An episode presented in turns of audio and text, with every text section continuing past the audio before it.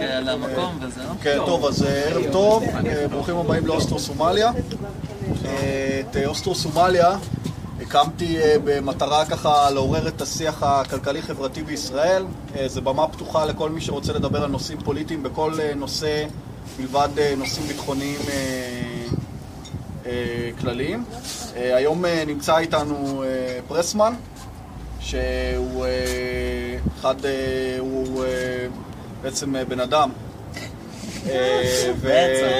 כן, והיום הוא ידבר על אה, התיאוריה שלו ש- שקשורה בכל מיני דברים. בין השאר לדברים שכבר רוי דיבר פה. כן, גם קשור קצת לנושא של הטסטוסטרון, נדבר על הנושא של פרוגרסיה. כן. אני אשמח מאוד אם כולכם, וגם מי שרואה את הוידאו, תעשו לייק לעמוד שלי אוסטרו סומליה, אפשר לכתוב ריוויו, שזה גם חשוב. אה, ככה לעשות subscribe לאירועים, יש, יש הרבה דברים שאפשר לעשות כדי לעזור לנו ולקבל אה, עדכונים אה, בעתיד.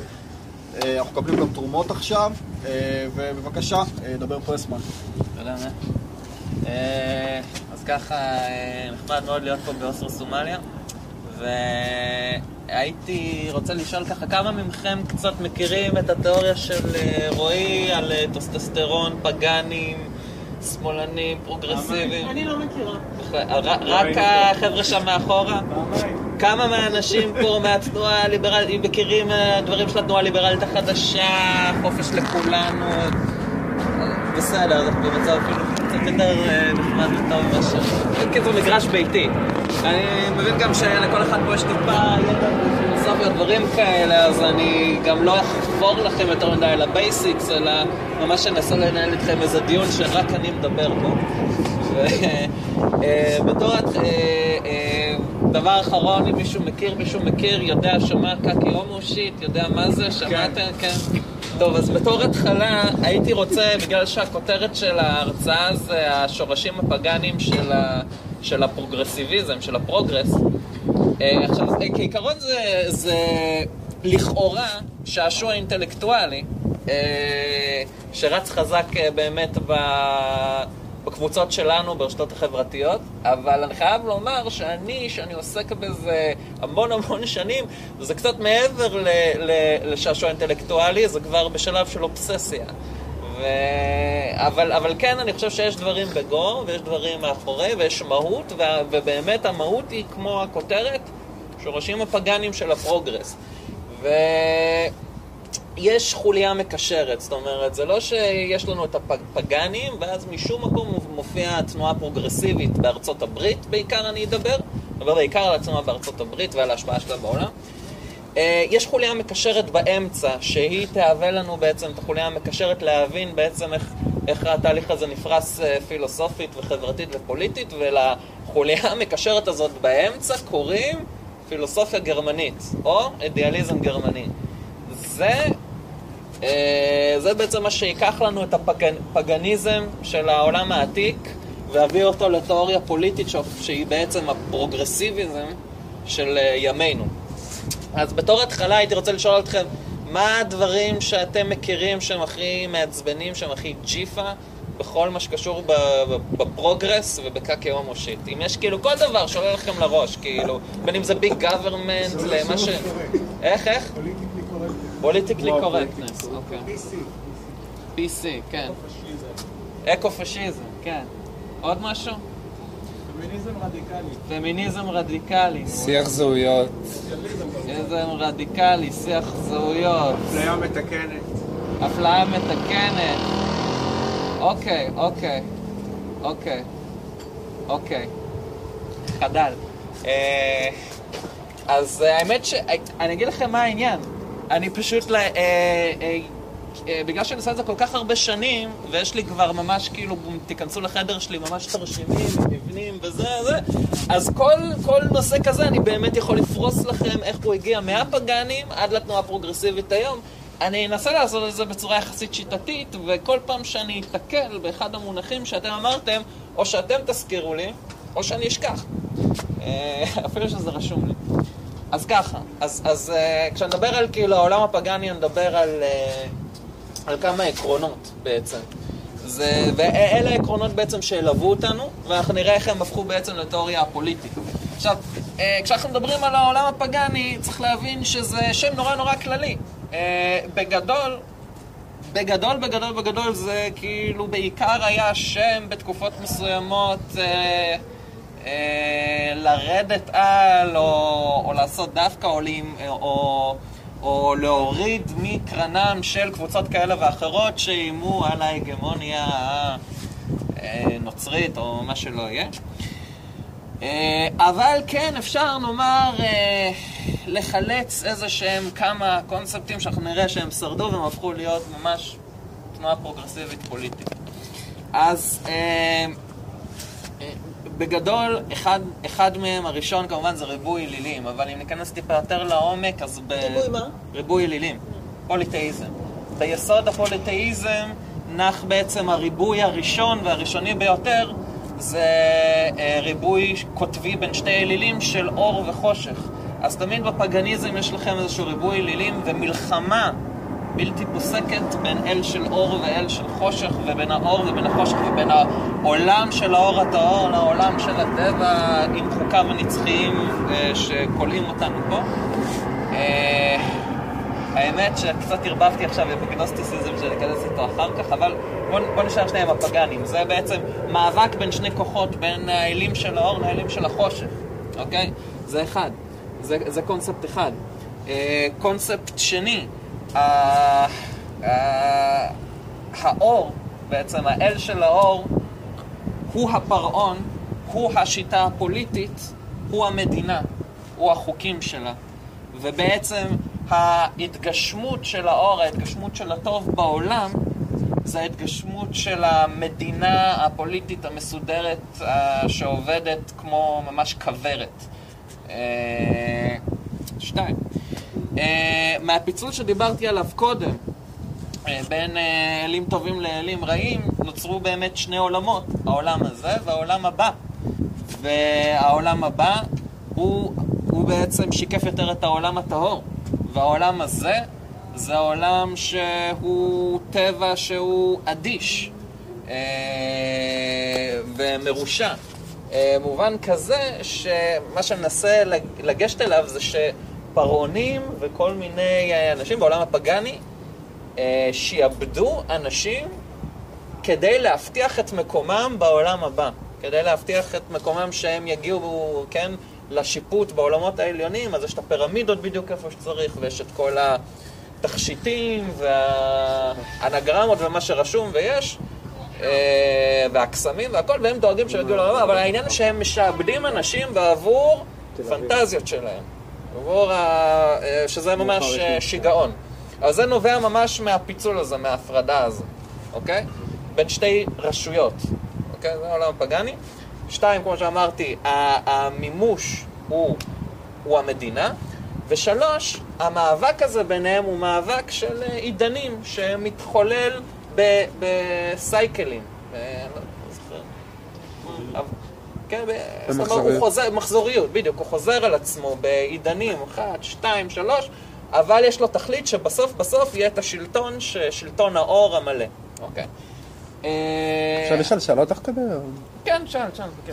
ממש אה, הנצרות זה משהו שנחשב פגאני כאילו? כן, כן, ובדיוק אני נכנס לזה עכשיו, כי מה שקרה, העולם הפגאני אה, אה, הפך לתנועה יותר פוליטית, ואפילו פוליטית מחתרתית, עם העלייה של, של הנצרות, שתכף נראה שאיך ההגמוניה הנוצרית הקתולית עצמה, גם היא הייתה ממש פגאנית, כי כבר ויטאליק שם לב שיש איזה שהם אלמנטים פגאניים, כן, למשל העולם הבא. שאתה מחויב אליו, אתה משעבד אנשים אליו, כן? אה, וה-Kingdom of God on earth, כן? אבל אה, אה, מה שקרה זה שהיה מלחמה בעולם הפגאני, מלחמה אדירה, והוא היה צריך להסתיר את עצמו. ובכל מקום שהוא היה, הוא הסתיר את עצמו בדת ובלאום, ובמילה שאנחנו נלמד אותה קצת אחר כך, בזייטגייסט של אותה תקופה ואותו מקום. שבו הוא היה, הוא החביא את עצמו במלבושים של השפה והמסורות של אותו מקום וזמן שבו הוא היה, אך הוא פירש אותו מחדש בצורה רדיקלית עם. ב... ב... לפי תפיסת העולם הפגאנית.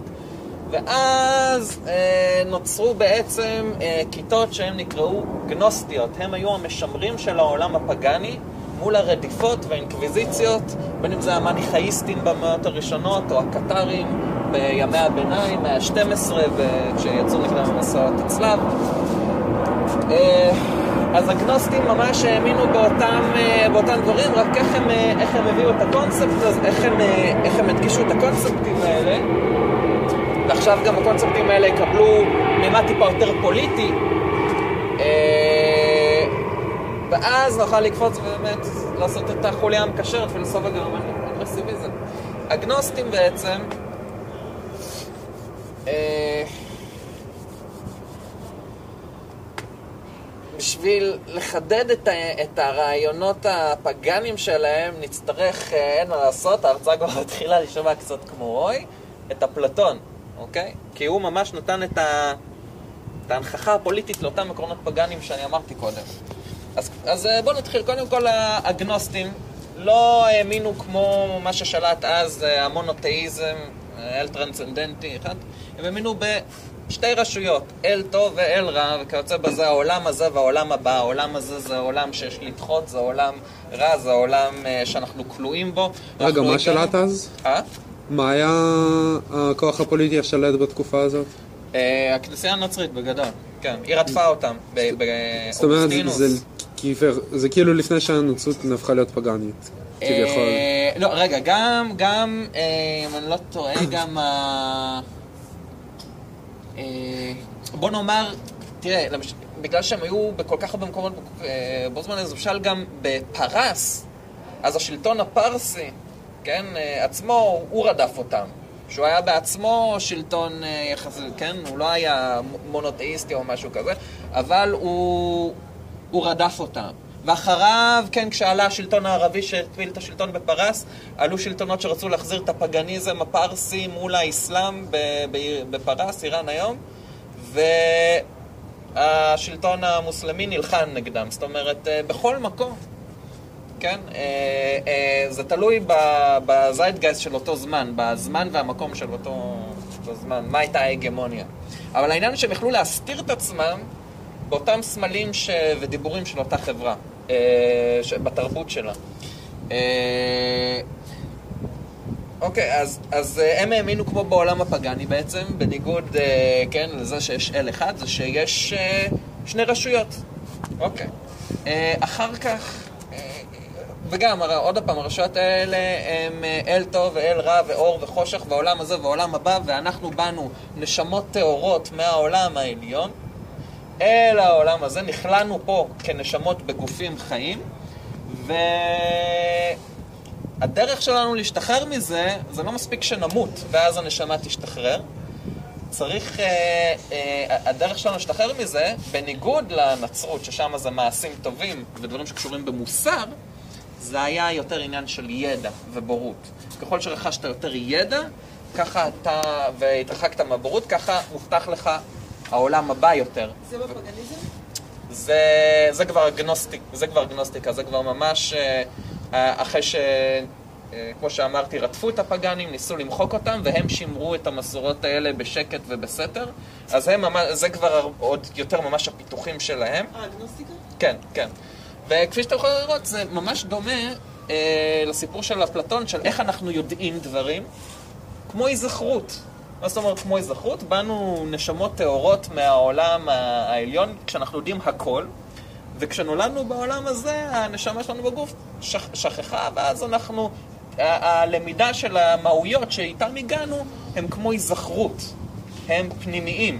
וזה מה שגם הגנוסטים האמינו, שהידע שמשחרר אותך בעולם הבא, זה לא איזה ידע...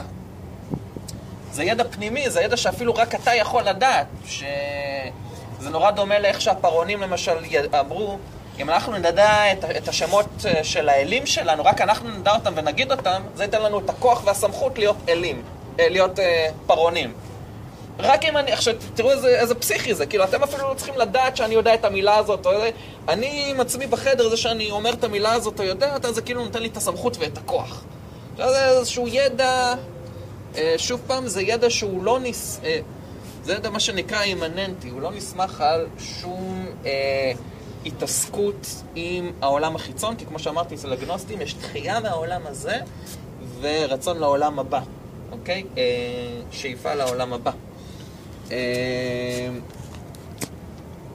ואז כמובן נוצרים אה, מעמדות, אז אה, אפלטון בא, ו... כי שוב פעם, גנוסטים היו בעיקר שני סוגים, היו גנוסטים פרסים, שהם, אה, כן, שהאמינו באל האור ואל החושך של זורואסטר, ואז היו גם גנוסטים הלנים, שהם היו יותר אפלטונים, שהאמינו בעולם האידאות, הטהור, המסודר, היפה של המהויות, והעולם הזה שהוא אשלייתי והוא בסך הכל איזושהי אשליה של אותן מהויות אידאיות שקיימות ואמיתיות יותר מהעולם הזה.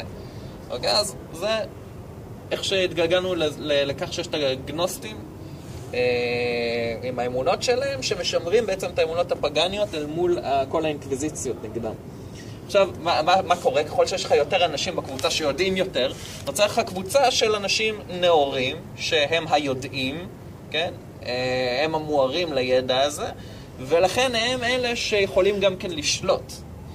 אה, מה שמוציא לפועל את השליטה שלהם הוא המעמד שמתחתם, כמו שאפלטון ניסח את זה, שזה השומרים.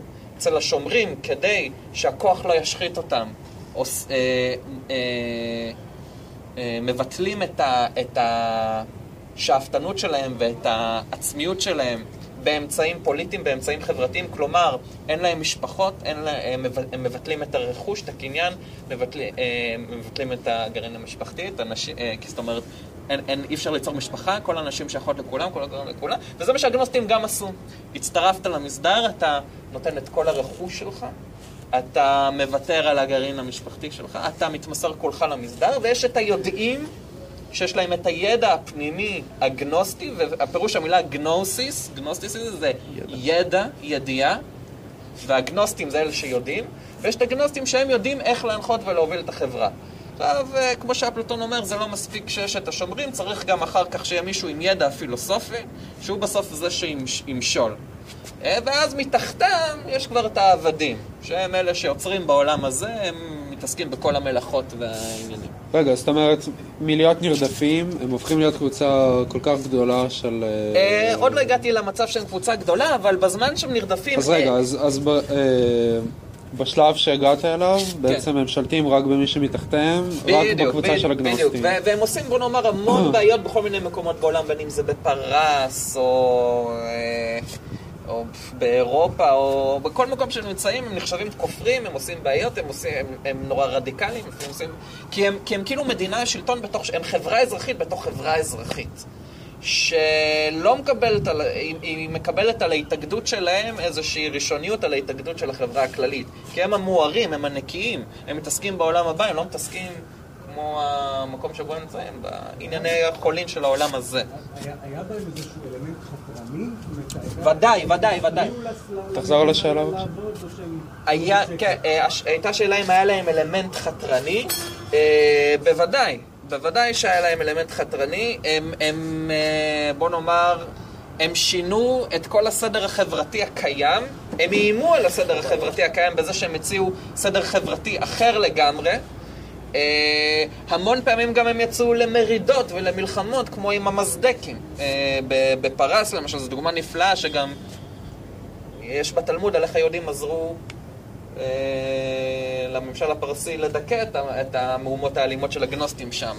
כלומר, הם היו ממש... אה, הם היו אקטיביים. הם, הם היו אקטיביים בדיוק, הם היו מהפכנים, זאת אומרת, כי, עכשיו למה הם היו אקטיביים? זו נקודה חשובה, כי זה, כי כמו שאמרנו, לא, הקונ- הקונספט של חירות אצלם היה, זה לא מספיק אה, רק אצל מי? אצל האגנוסטים? כן, אצל הגנוסטים. הקונספט של חירות זה לא... אה, חירות זה לא... אה, שלא, שהעולם לא כופה עליך את הגבולות שלו, או שכופים עליך גבולות. כלומר, אם אתה מת, ואז הנשמה שלך משתחררת, זה לא מספיק. אתה צריך אקטיבית, חירות היא אקטיבית לפעול אל משהו. במקרה שלהם, לפעול להשגת הידע הרוחני שיביא אותך לעולם הבא, ובסופו של דבר elevate את כל החברה. בסופו של דבר הם מגיעים למצב כזה שה... שה... אה, עידנים זזים עד כדי כך שכולם בסוף עולים אל העולם הבא. אבל אז- ידע של מה? אה? ידע של מה? אה, כמו שאמרתי, ידע פנימי, זה, זה שאלה טובה, זה ידע פנימי של המהויות הרוחניות. עכשיו, זה בעצם אה, ידיעה של המהויות, כאילו, כמו למשל, אה, אם, אם אתם מכירים את התיאוריה של האידאות של אפלטון, אז זה פחות אולי מהויות כמו מה המהות של הסוס, מה המהות של הגלגל, אוקיי, שיש להם איזשהו מהויות באיזה עולם אוקיי. שקיים אי שם באיזשהו כן, מקום אחר, ולא בעולם הכביכול השלייתי פה, אלא בעולם הבא, אלא מהויות של דברים כמו יופי, צדק, סדר, דברים כאלה, שאיך החברה צריכה לפעול. כן. אז כמו שאמרתי, קודם כל, אה, קודם כל, כל, ה, כל ה, אה, אה, הארגון הפוליטי שלהם היה ממש אה, כמו ש...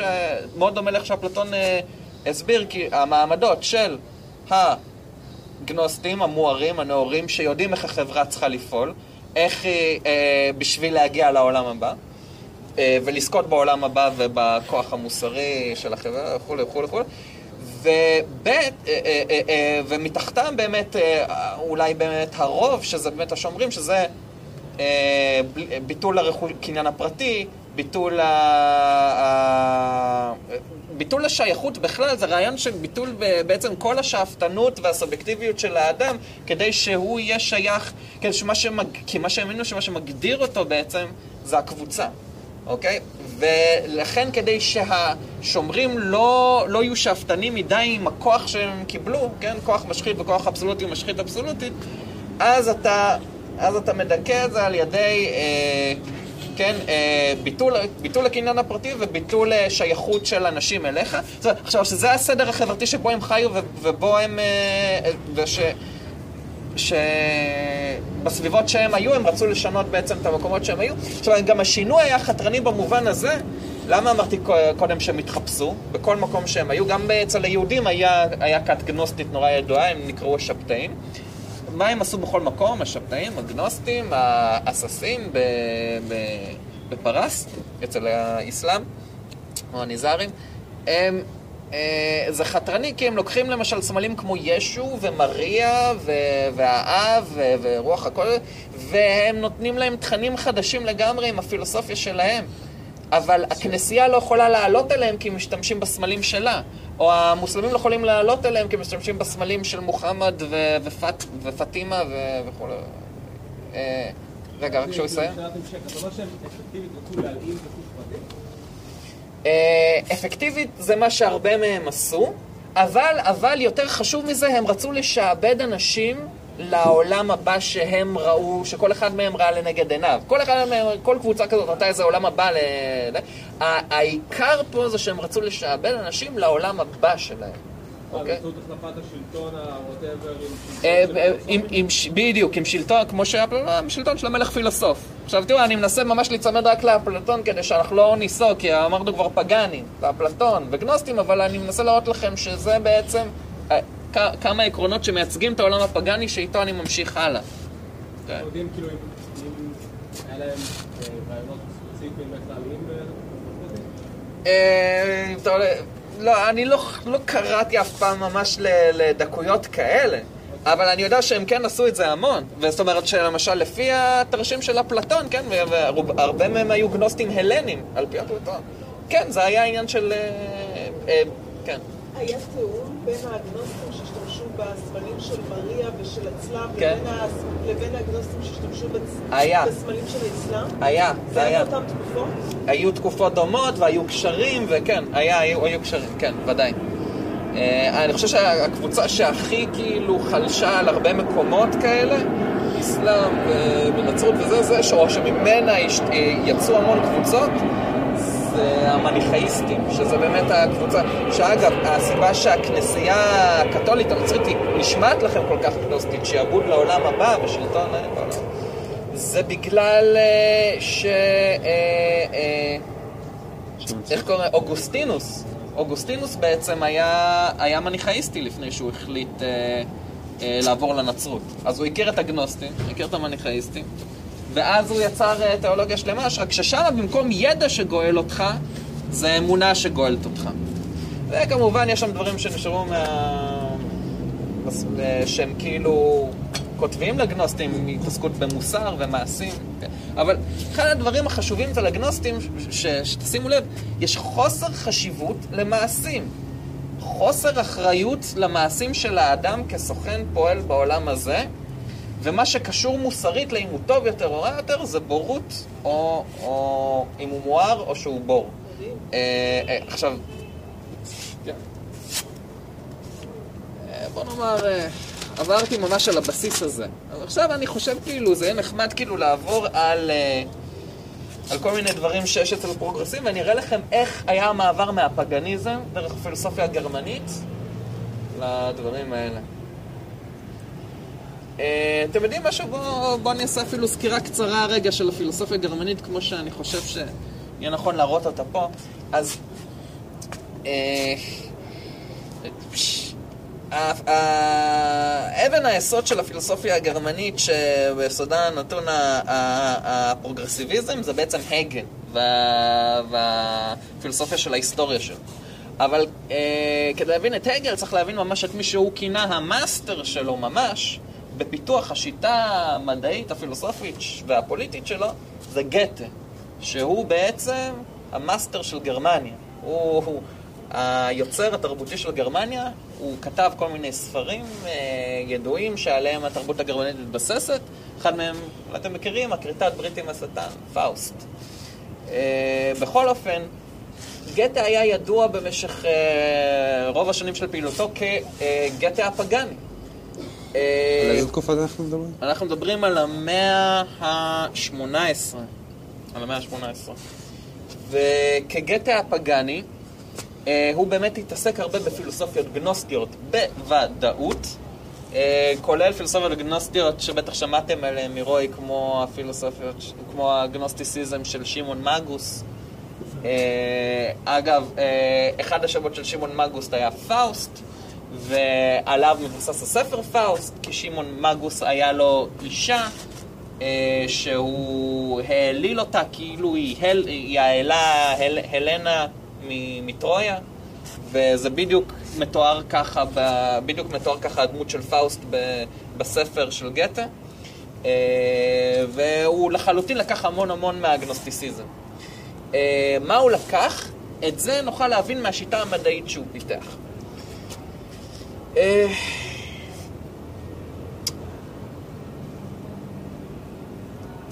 חושב, כן, למה לא?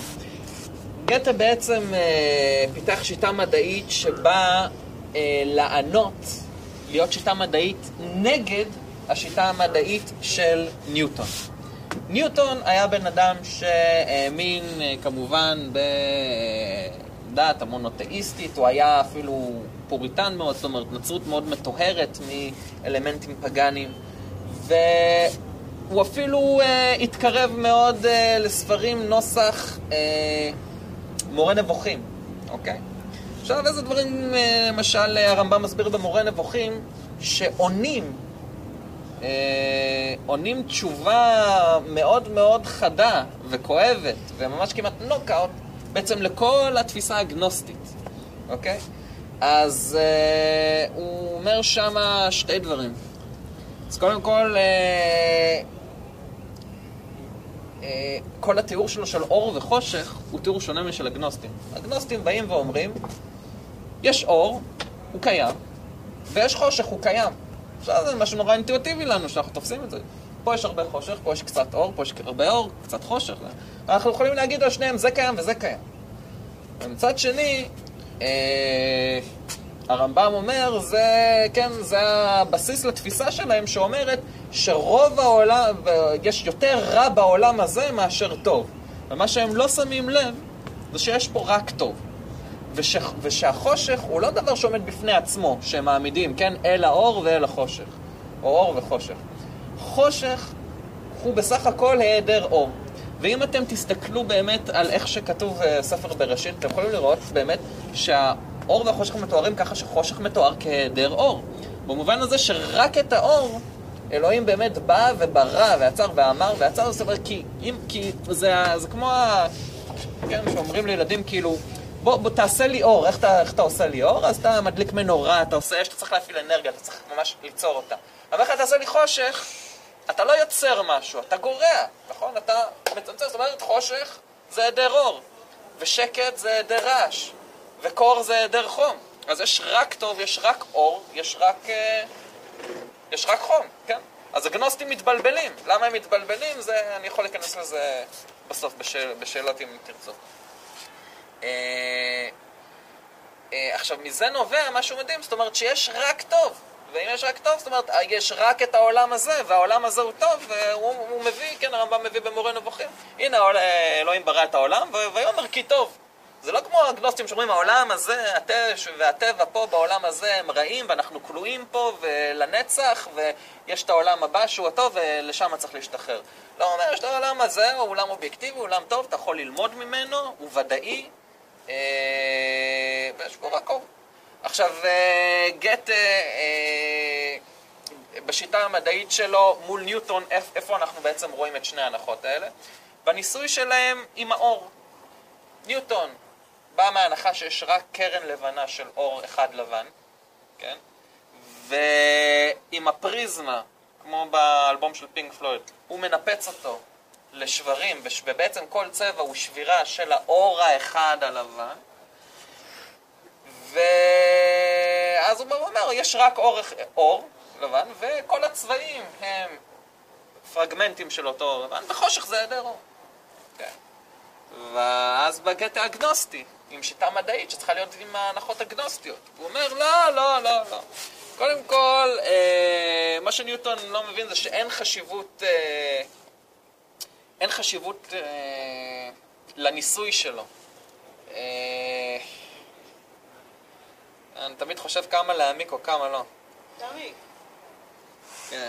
לא, הוא אומר, אה, אה, אה, וזה בהתכתבות שלו בעצם עם הגל, משם אני מוציא את זה, הגל וגתה, כי משם בעצם הגל אומר, הופ, על הניסוי שלך עם האור, אוקיי? ושהוא, שהוא ניסוי גנוסטי לעומת הניסוי של ניוטון, על, עם הניסוי הזה אני הולך עכשיו לכתוב את פנומנולוג, פנומנולוגיה של הרוח, שזה בעצם כל הפילוסופיה ההגליאנית, בעצם הפילוסופיה של הפרוגרסיביזם. רגע, הוא ממש אומר שהניסוי של ניוטון חסר חשיבות, או שזה... הוא אומר הניסוי של ניוטון לא נכון, הניסוי של ניוטון הוא אלים, הוא אפילו אומר שהניסוי של ניוטון הוא שטני. כאילו זה, זה ציטוט, כן? אה, הציטוט שלו זה שזה ממש ניסוי ממש, שטני. כן. ניסוי שטני אוקיי. מהשטן, מה... ושהוא לוקח את הפריזמה המשולשת הזאת, והוא כאילו דוקר את, החסידים הפיזיקאים שלו, והם לא מבינים שהוא הוא בעצם מלכלך מאוד את הניסוי, אה, כי הוא. הוא בעצם מתערב מאוד מאוד מאוד חזק בטבע. ומעפיל עליו ומלכלך אותו עם ההכרה שלו ומנסה בכוח להוציא איזה שהם חוקים שהוא, אה, שהוא לא מבין שאלה חוקים שהם כבר בתוך העולם. זה לא, אוקיי, הוא אומר, זה... אה, אני לא יודע כמה מכם מכירים טיפה יותר פילוסופיה או לא, אבל אולי לאלה שכן ככה, אז... זאת אומרת, הוא בא מהכיוון האידיאליסטי הקנטיאני, ש- זאת אומרת, יש, דבר, יש את ה... כן? יש- אה, דברים אפריוריים שהם המהויות שבונים את המציאות ש, שבה אנחנו מתקיימים. ואז יש את עולם התופעות, שזה בעצם, כן, איך שאנחנו תופסים את העולם, אבל אם אתה מתעסק עם העולם איך, רק איך שאתה תופס אותו, אתה בעצם אה, תופס אותו בתוך הכלא שלך, ועם החוקים שבתוך הכלא של ההכרה שלך, ואתה לא מבין מה בעצם בונה את הכלא הזה, ואז אתה, עם הניסוי המדעי שלך, אתה נמצא בעצם בתוך הכלא ולא יוצא ממנו. אז מה הניסוי הנכון? אה? אז מה אז הניסוי הנכון? הניסוי הנכון הוא, וזו השיטה המדעית של גתה, איך אתה בעצם אה, לומד על המהויות האפלטוניות, הגנוסטיות, אוקיי? מקבל את הידע הרוחני הזה. זה. מאוד מטומטם, אבל אני חייב... אה, אה, זה הגיא. אה, אבל אה, אשתף אתכם. אה, הוא בעצם... גיא.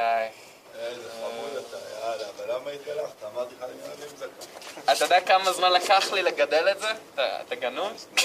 יושב בקדימה של וצוחקים. אז... אז מה הוא... אה, כן. אז אה, הוא אמר, הניסוי שלי לא יהיה שאני אקח פריזמה ואני בכוח אפצל איזה אור ובכוח אתערב עם, אה, בתהליכים הטבעיים. אסור להכרה של האדם להתערב בתהליכים טבעיים, הוא צריך פשוט לבוא ולצפות בהם אני מדבר על אה, אה, לצפות בהם בצורה אובססיבית, בכמות, זאת אומרת, הוא יסתכל על אלומות של אור מכל מיני, בכנסיות ובבתים, אה, בלי להתערב בהם, בלי להיכנס למעבדה ולצמצם את האלומות, אלא פשוט להסתכל על אלומות של...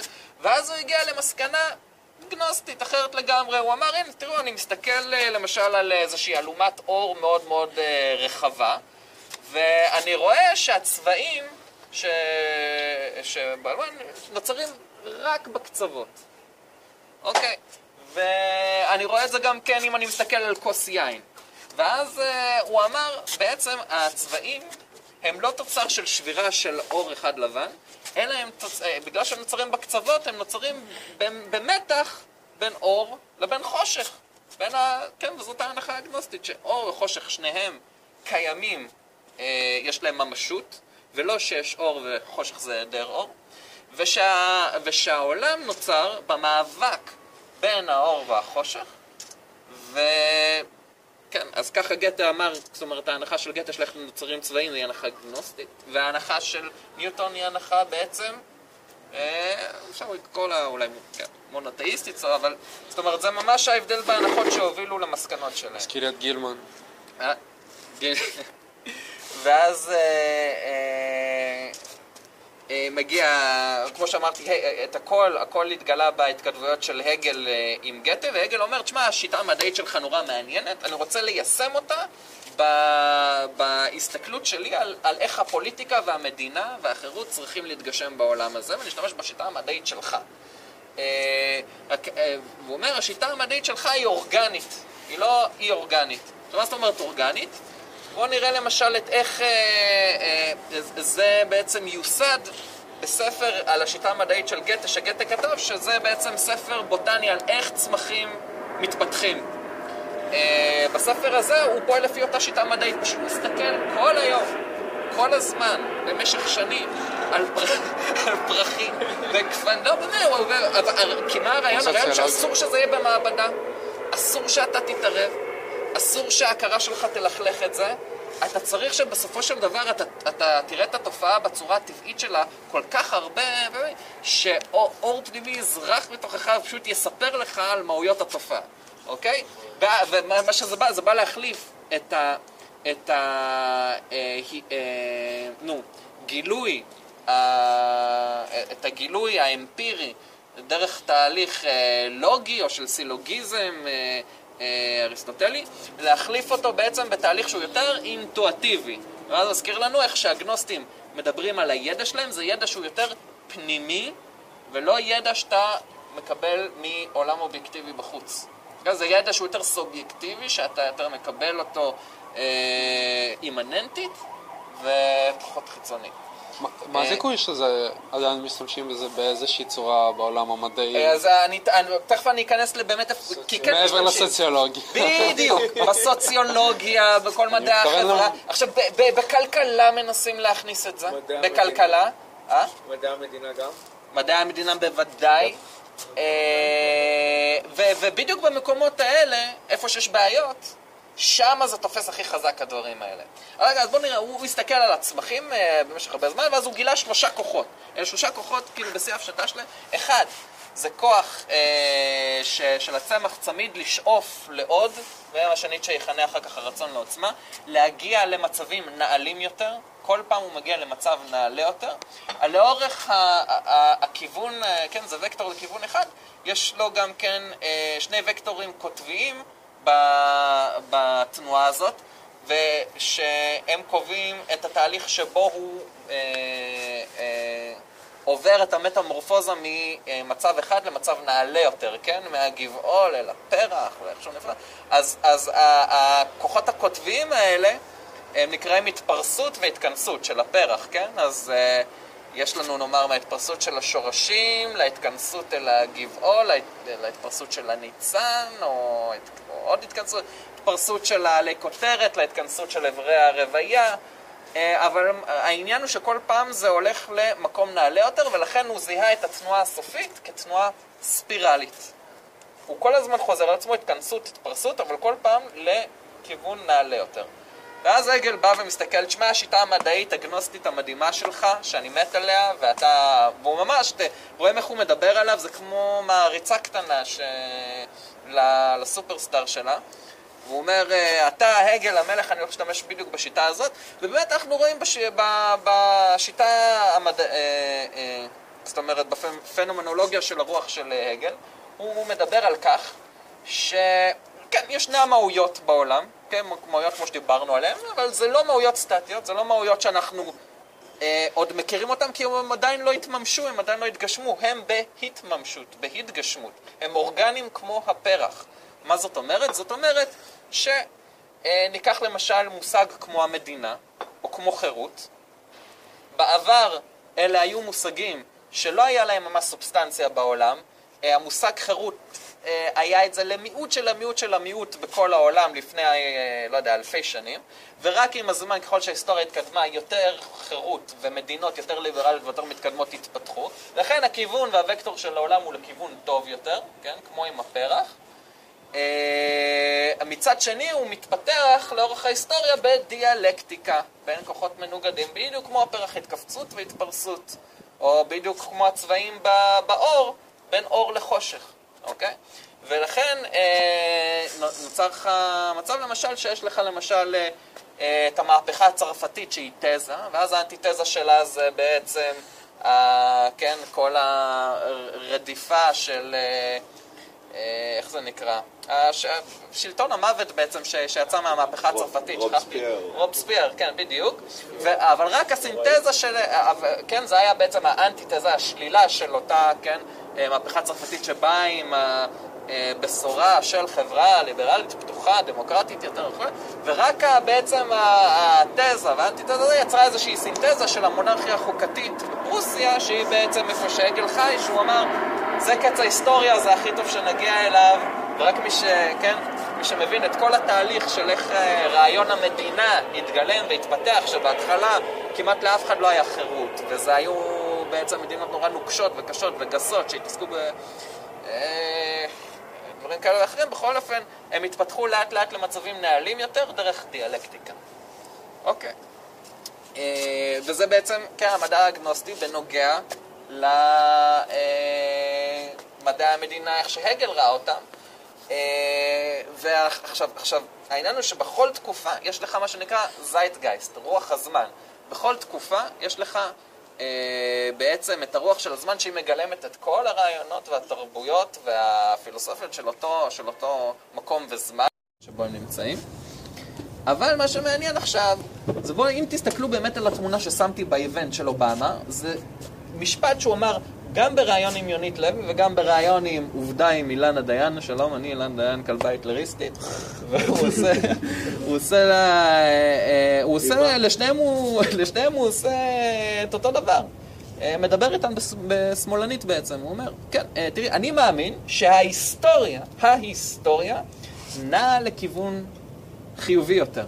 עכשיו, אם היינו אומרים, אוקיי, אובמה קרא את האופטימיסט הרציונלי שמביא נתונים שמראים שבאמת, אה, אני יודע, תסתכל על אפריקה לפני 50 שנה, על אפריקה היום, יש שם יותר אוכל, יש... אז תגיד, וואלה, נראה שבחמישים שנה, כבר 100 שנה... אבל אם אתה מסתכל על האידיאולוגיה המרקסיסטית שאיתה אובמה גדל, אתה מתחיל אה, לחשוד שאולי האג'נדה, אולי אלה מילים של הפילוסופיה הפרוגרסיבית, בעצם הפילוסופיה של ההיסטוריה של הגל יצא לו מהפה. מה זה פרוגרסיביזם? מה הם מאמינים? במהות שלהם הוויכוח המהותי הוא עם החוקה האמריקאית. החוקה האמריקאית מאמינה בזכויות טבעיות, אה, אה, ש- שזה אומר שהן אה, פחות או יותר נצחיות, שהן מתאימות, לא משנה באיזה זמן בהיסטוריה אתה, אתה תלך, הן תמיד יתאימו לכל האנשים בכל ההיסטוריה, כבאמת זכויות שהן אה, טבעיות לכולנו, לא משנה מה, אפילו לא שאלנו אותך, כן, זה ככה בחוקה. קיבלת מאלוהים. תגיד תודה. אה, אבל הפרוגרסיבים יגידו, רגע, רגע, רגע, החו... אה, בואו נעשה לזה עכשיו אה, ניתוח פרוגרסיבי הגליאני. החוקה נכתבה בזמן ומקום מסוים, שהתאים לזמן ומקום מסוים, ואנחנו בהתקדמות אה, היסטורית שבה אנחנו יכולים אה, להכיל רעיונות מורכבים יותר, ואני יודע, אה, טהורים יותר של חירות, של אה, מה המדינה צריכה לעשות ואיך המדינה יכולה לשפר את חייו של האדם. אה, וגם המונח זכות אה, הוא, אה, מועד לשינויים לפי ההיסטוריה והזמן והמקום שבו הוא נמצא. ולכן מה שהתאים אז לאבות המייסדים לאו דווקא מתאים לנו, ואנחנו צריכים ללכת עם ההיסטוריה, עם ההיסטוריה, אל עבר המקום שבו החירות והמדינה יתגשמו בצורה יעילה וטובה יותר, לספק עבורנו אפילו אה, הגדלה של, של תחום הזכויות שמגיעות לנו. ולא הזכויות שאמרו אז שהן נצחיות והן מתאימים לכל אחד וזה טבעי ונולדת איתן, אלא בגלל שההיסטוריה בהתקדמות והיא תמיד משתנה וכל אה, שלב בהיסטוריה הוא תוצר של הזיידגייסט. מה שהתאים אז לאבות המייסדים לאו דווקא מתאים לנו. וזה באמת תיאוריות, אה, אז רק אסיים את המשפט הזה, תיאוריות שנכנסו חזק בארצות הברית בסוף המאה ה-19. לא במקרה סוף המאה ה-19 היה בדיוק ההגירה של הפילוסופיה הגרמנית, במיוחד של הגל מגרמניה, לארצות הברית. סיפור נורא ידוע, למשל אוניברסיטת ג'ון הופקינס, הוקמה במיוחד בשביל ללמד את הפילוסופיה ההגליאנית והגרמנית בארצות הברית, ואנשים כמו ג'ון דוי, שעשו את ה... אה, בנו את מערכת החינוך הפרוגרסיבית החדשה בארצות הברית, היו חניכים ב- באותן האוניברסיטאות. אז כלומר, זה באמת בא בתקופה הזאת, ואנחנו רואים את זה מגיע מה... אה, מהגרמניה. עכשיו תכף אני אכנס, אתם מתחילים קצת, כאילו, בגלל שהראיתי לכם את השיטה המדעית, אתם מבינים למה בבסיס של זה זה גנוסטי, אני אעבור איתכם עכשיו, אה, או פגאני, אני אעבור איתכם עכשיו אה, פחות או יותר אחד-אחד על חלק מהדברים גם שאמרתם, דברים שהם פרוגרסיביים, ונראה באמת איך זה יתפרס לאורך... אה, כן. היחס של הפרוגרסיביזם, נקרא לזה, לחוקה של ארה"ב, כן. הוא לא... ומה הוא כל כך שונה נגיד מהיחס של האבות המייסדים? האבות המייסדים האמינו ממש... שקדם ל... כן. האבות המייסדים האמינו ממש שזה these are God given rights, וכמו שאברהם לינקולן חוקה של סמים וזהו. אה? אה, חוקה של סמים וזהו. כן, זו חוקה שהיא בלתי מבטיח משתנה. את הזכויות השליליות שלך, אה, אבל- כן, מה שהיא מגדירה הוא נכון לתמיד. הוא לא משהו שנתון ל... לוויכוח ביני לבינך. הפרוגרסיבים יגידו שהזכויות הן פחות משהו שניתן מאלוהים, או משהו שיש לך לפי החוקה, או משהו שהוא קבוע, אלא זה משהו יותר אירופאי, יותר פרוגרסיבי. אתה מאמין במשהו כמו natural rights, זה לא משהו שהוא נתון בכלל, הוא לא... הוא לא נתון לדיון בכלל, כן. כן. ואצל הוא הפרוגרסיבים, הוא גם לא כן. פונקציה של, אה, התבוננות של בני כן. אדם. הפרו- אתה לא חושב על זה ולא מדבר על זה, כן. זה קיים. יכול כן. לחזור על זה? רגע, ר- רגע, רק... רגע, אני אגיד, הפרוגרסיבים אה, יגידו שאפילו הזכויות, כל הזכויות שיש לך, אלה תוצר של הח- אה, של החברה והדיאלוג והשיח שלנו. כלומר, אנחנו יכולים דרך כל מיני סוגים שונים של שיח למצוא לנו כל מיני זכויות חדשות שלא ידעת בכלל שמגיעות לך, או להמציא לנו זכויות חדשות וזה, אבל, אבל אצל האבות המייסדים אין כזה דבר, אנחנו קבענו ככה, זה הגיע מאלוהים, זה קבוע, זה מתאים תמיד לכולם בכל זמן. עובדה שהתקבל רק במאה ה-18 ולא מרסיביליזציה לפני... בסדר, זה מה שהם האמינו. זה מה, שהם, זה מה שהאבות המייסדים האמינו, זאת אומרת. ש, שזה משהו שהוא נכון אה, אה, תמיד. אה, אז לא שהיו, לא היו רפובליקות לפני, הרפובליקה הרומאית אפילו הייתה מאוד דומה למה שיש היום בארצות הברית. אה, אז ככה, אז בואו נראה. בואו ניקח למשל, אני נורא אוהב את, ה, את הראייה הזאת ב, אצל, ה, אצל הפרוגרסיביזם, שלמשל, אה, בואו ניקח אה, תופעה כמו אלכוהוליזם. אוקיי, היא באה והיא מנתחת את התופעה של אלכוהוליזם.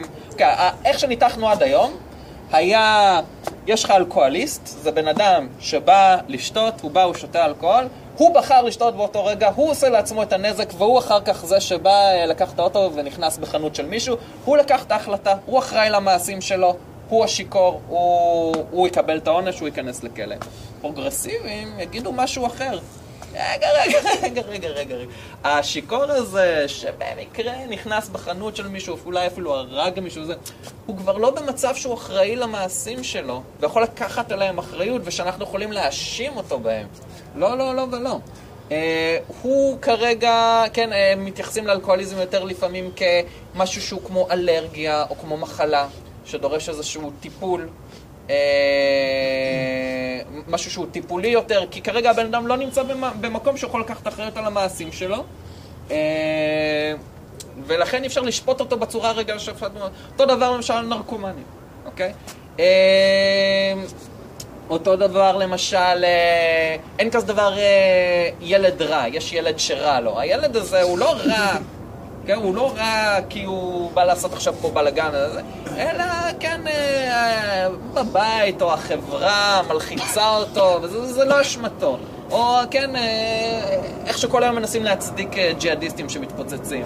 אה, רע להם, הם רעבים, הם... אה, עכשיו, זה, זה, זה מצב, זה כאילו הסתכלות מוסרית. שאומרת, אין לו אחריות למעשים שלו, הוא לא בחר ובא ו... כן, הוא פשוט תוצר של איזשהו תהליך הרבה יותר, אה, הרבה יותר ארוך. שזה שיח שנקרא הסופרה מורל, המעבר מוסרי. אה, זה משהו שהוא מאוד מאוד מאוד חזק אה, בפילוסופיה הגרמנית. הוא לקוח מהגנוסטיסיזם, מה, מהרעיון שאמרתי לכם, מבחינה אתית, מה אמרתי? אין משמעות למעשים, הדבר היחיד שקובע הוא בורות או נאורות, אוקיי? בפילוסופיה הגרמנית, איך זה למשל מתבטא?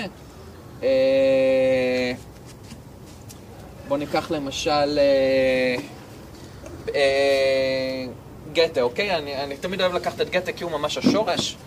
אה, כפי שהראיתי לכם עכשיו עם השיטה המדעית שהוא פיתח, אז הוא למשל, הוא מראה בספר פאוסט, שעליו מיוסד כל, אה, כל התרבות הגרמנית. אז הוא עושה, אה, בעצם הסיפור מדבר על מישהו שכורת ברית עם השטן, מקבל את כל טובות ההנאה של העולם הזה. הדיל הוא שכמובן באיזשהו שלב... אה, הוא- כן, הוא נותן את הנשמה, אבל בסופו של דבר הוא... הנשמה שלו לא הולכת לשטן, והוא מגיע לגן עדן, והוא, לא? והוא ממלט את נפשו מעונש בעצם. וככה בעצם אין, אה, מבחינה אתית, למעשים שלו בעולם הזה לא היה שום חשיבות. החשיבות האמיתית הייתה, האור הפני... הוא נהיה עיוור לאורך, ה... לאורך הספר, ומקבל יותר ויותר אור פנימי, שזה בעצם הידע הפנימי, הגנוסיס שהוא מקבל לאורך הספר. מה הג- אותו גנוסיס, אנחנו אה, נגיע עוד מעט. אה, אה. כן. יכול לחזור לשאלה? כן, הוא שואל על מי האחריות אז נופלת למשל, בוא, אז לפי הפרוגרסיבים, זה גם כן משהו זה שהיה תלוי נורא... בזיידגייסט, לא? אה? תלוי בזיידגייסט. זהו, אה, גם, אבל, גם, זאת אומרת, אתה יודע, הייתה אסכולה פסיכולוגית נורא ידועה שהתפתחה בשנות ה-60 עם, עם לירי, שנורא הושפעה מאסכולת פרנקפורט, מהרעיונות האלה, שהייתה באה לאנשים שעשו, אין להם כל מיני בעיות, או שעשו כל מיני, או פושעים, ואומרים, לא, קח ג'וינט, זה בסדר, זה לא אתה, זה החברה, זה החברה. כמו שהשומרים, כן, בקבו- אה, המע- המעמד הגנוסטי הפלוטוני הוא, הוא אה, כל, כל כולו נקבע על ידי החברה, כי אין להם שום דבר משלהם. אה, ככה אנחנו, אני מקווה שאני אראה תכף איך, אה, איך מהגנוסטים לפילוסופיה גרמנית הם הגיעו למצב כזה שכל ההגדרה שלך וכל החירויות שלך וכל מה שאתה מקבל זה תוצר של המדינה שאתה חי בה והחברה שאתה חי בה. אה, אה, בוא ניקח למשל, אוקיי, זכויות, זכויות חר... אה, אה, לגבי, אה, כן, לגבי, ה, לגבי האחריות למעשים, אני יכול גם כן לתת, אה, אם תרצו אחר כך, אה, איזשהו... אה, כן, אה, אה, בגלל שזה פילוסופיה גרמנית וגנוסטיסיזם, אז למשל, אה, חוץ מגתה עכשיו שהראיתי על זה, על איך למשל ניטשה ראה את זה, אם תרצו. אוקיי, זכויות חיוביות למשל, בפרוגרסיביזם. יש למישהו דוגמה לזכויות חיוביות? ש... זכות לדיור. יפה, הזכות לדיור, לקורת גג, לחיות. אלה, אוקיי, אה, זה, זה, זה ראיית החירות, עוד פעם, לא כחירות מכפייה, שזו התפיסה הליברלית, אלא זה לא חירות מ, זה חירות ל. חירות למען. זאת אומרת, אנחנו רוצים חירות למען חברה שוויונית יותר, חברה שבה קלפי הפתיחה של כולם ושוויון ההזדמנויות של כולם הם יותר דומים, ולכן אה, הזכויות החיוביות מחייבות אנשים לשלם יותר מיסים, לחלק את השלל יותר שווה בשווה, ואלה זכויות חיוביות. אה, אלה... אה, אלה ממש דברים, בואו נראה. אלה ממש, אלה ממש דבר, זאת אומרת, אלה ממש דברים שמילה במילה, למשל, אה, אה, הגל, הגל מגדיר למשל חירות בזלזול בתפיסה הליברלית שחירות זה, זה אה, חופש מכפייה, ואומר ש, שהחירות האמיתית זה החירות שלך שקורית בתוך המדינה, ושהמדינה מאפשרת לך, ושהמדינה בעצם נותנת לך, ושהחברה נותנת לך. אה, ושזה חירות, כן, שוב פעם למען, וזה זה כמו, אה, כמו עם הגנוסטים, שזה לא מספיק שאתה תמות, אה, ושכל הכפייה של הטבע ושל העולם החיצון יפסיקו להשפיע עליך כדי שתהיה חופשי באמת, אלא אתה תהיה חופשי באמת אם אתה תעזור לקדם את העולם הבא הגנוסטי, כן, על ידי רכישת ידע, על ידי הבאתו, על ידי מלחמת האור בחושך, כן. אה, בואו נראה למשל מה עוד, אוקיי? big government, אוקיי? אז... אה, אה, איך, איך אה, גתה בעצם אה, בפאוסט מצליח אה, להימלט מה, מהברית עם השטן ולא לקבל את העונש שמגיע לו, אוקיי? וככה לתת איזשהו סיפור על מוסרי, א-מוסרי, כן. אה, הוא בעצם מגיע לסוף, הוא בעצם מגיע לסוף הסיפור, אה, אחרי שהשטן עושה בשבילו כל מה שהוא מבקש כמובן, ו- וכולי וכולי, אבל הוא, הוא באמצע הסיפור, הוא חווה איזושהי... מישהי שהוא נורא רצה שהשטן יסדר לו, וזה בדרך הכלכלה מתה בגללו. אבל, אבל הוא, לא, הוא לא שילם על זה שום דבר במחיר. אבל זה גרם לו להבין איזה משהו שאחר כך בחלק השני של המחזה ולקראת הסוף שלו וככל שמתקדמים יותר, אז כבר בחלק השני הוא כבר נהיה עובד של המדינה והוא יותר עוזר לקיסר, אה, בכספים, בפוליטיקה, והוא נהיה אזרח יותר טוב. והסיום, בסיום, זאת אומרת, ההתערבות עם השטן הייתה, השטן אמר, אם יהיה משהו אחד שתגיד, זה אני רוצה שיימשך לנצח, אז הנשמה שלך שלי. וקרה הדבר הזה. והדבר הזה שקרה היה שהוא בא והוא אמר בסוף הסיפור, אני רוצה שהרגע הזה יימשך לנצח, והוא דיבר על רגע שבו כל העבדים שלו, שנמצאים על, ה, על איזושהי אדמה בתולית, שהם עכשיו חולצים, אה, פעלו יחד אה, ליצור, אה, פאוסט, כן, ליצור חברה טובה יותר עבורו, עבור האנשים האחרים, וזה, שוב, ואז הוא קיבל את ההארה שלו, ואז הוא אה, בעצם, כן, הוא אמר, זה הרגע שאני רוצה להמשיך לנצח, אבל הוא לא הלך, הנשמה לא הלכה לשטן, אלא הוא, הוא נגאל כי הוא לא, הוא לא אמר את הרגע הזה על משהו אנוכי לגמרי, אלא על משהו שהוא למען הכלל, הוא למען הכללי, הוא למען יצירת עולם טוב יותר לאנשים, לאנשים חופשיים יותר. אה, גם ניטשה יגיד, אני יכול, אה, מי שרוצה פה בזרצוסטרה, אני יכול להקריא אחר כך, מדבר בפרק דרכו של היוצר, הוא אומר, חירות מה לא מעניין את זרטוסטרה, לא מעניין אותי חירות מה, מעניין אותי חירות ל.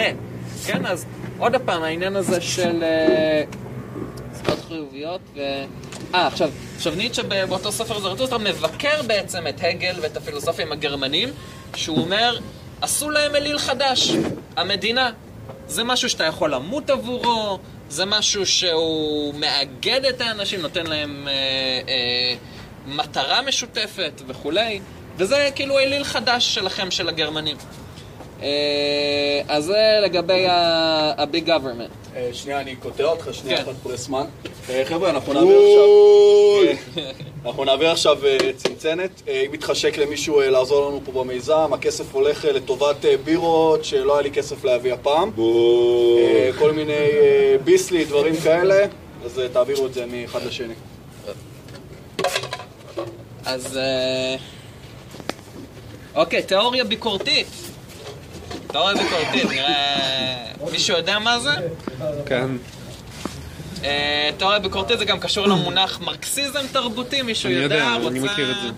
אסכולת פרנקפורט. אסכולת פרנקפורט, נכון. להסתכל על דברים, להתבונן, אולי לנסות להבין משהו. לנתח כל תופעה או כל אה, קשר פוליטי ב, אה, שנמצא במסגרת פוליטית חברתית זמנית מסוימת לפי החוקים של אותה מסגרת כדי להראות כמה היא מסיסה, כמה היא אה, סותרת את עצמה ובעצם אה, להטיל בה ספק. אוקיי? אז למשל, אה, ואז יש לכם כל, כל מיני דברים, למשל, אה, הפמיניסטיות אה, ייקחו את זה למקום של... אה, אנחנו אה, נשלטים בעולם שהוא נשלט על ידי קטגוריות תרבותיות שהוחדרו על ידי הפטריארכיה, אז למשל בשפה, כל השפה מוכוונת לגברים, אלוהים זה, גט, זה זכר, היוצר זה זכר, אה, השחורים יגידו... Uh, כל דבר uh, רע זה שחור, uh, the black cat, uh, the black זה, the black זה. Uh, אבל זה כאילו לבוא ולנתח את ה... כן, זה, זה דברים שנשמעים מגוחכים, כן? אבל, אבל זה לבוא ולנתח את המסגרת התרבותית אה, לפי השפה, לפי הזיידגייסט שלה, אוקיי? לפי הזיידגייסט שלה, להטיל בה ספק ולנתח אותה לפי בעיקר, אה, בעיקר מערך הכוחות. מערך הכוחות שם, ולא, ולא, לפי, ולא לפי הפלפולים. אה, או לפי, ה... לפי ההגדרות שהם כבר עטו על עצמם. אה, אז, אה, אז אה, מאיפה זה מגיע? אוקיי, בגדול, אה, כמו שאמרתי,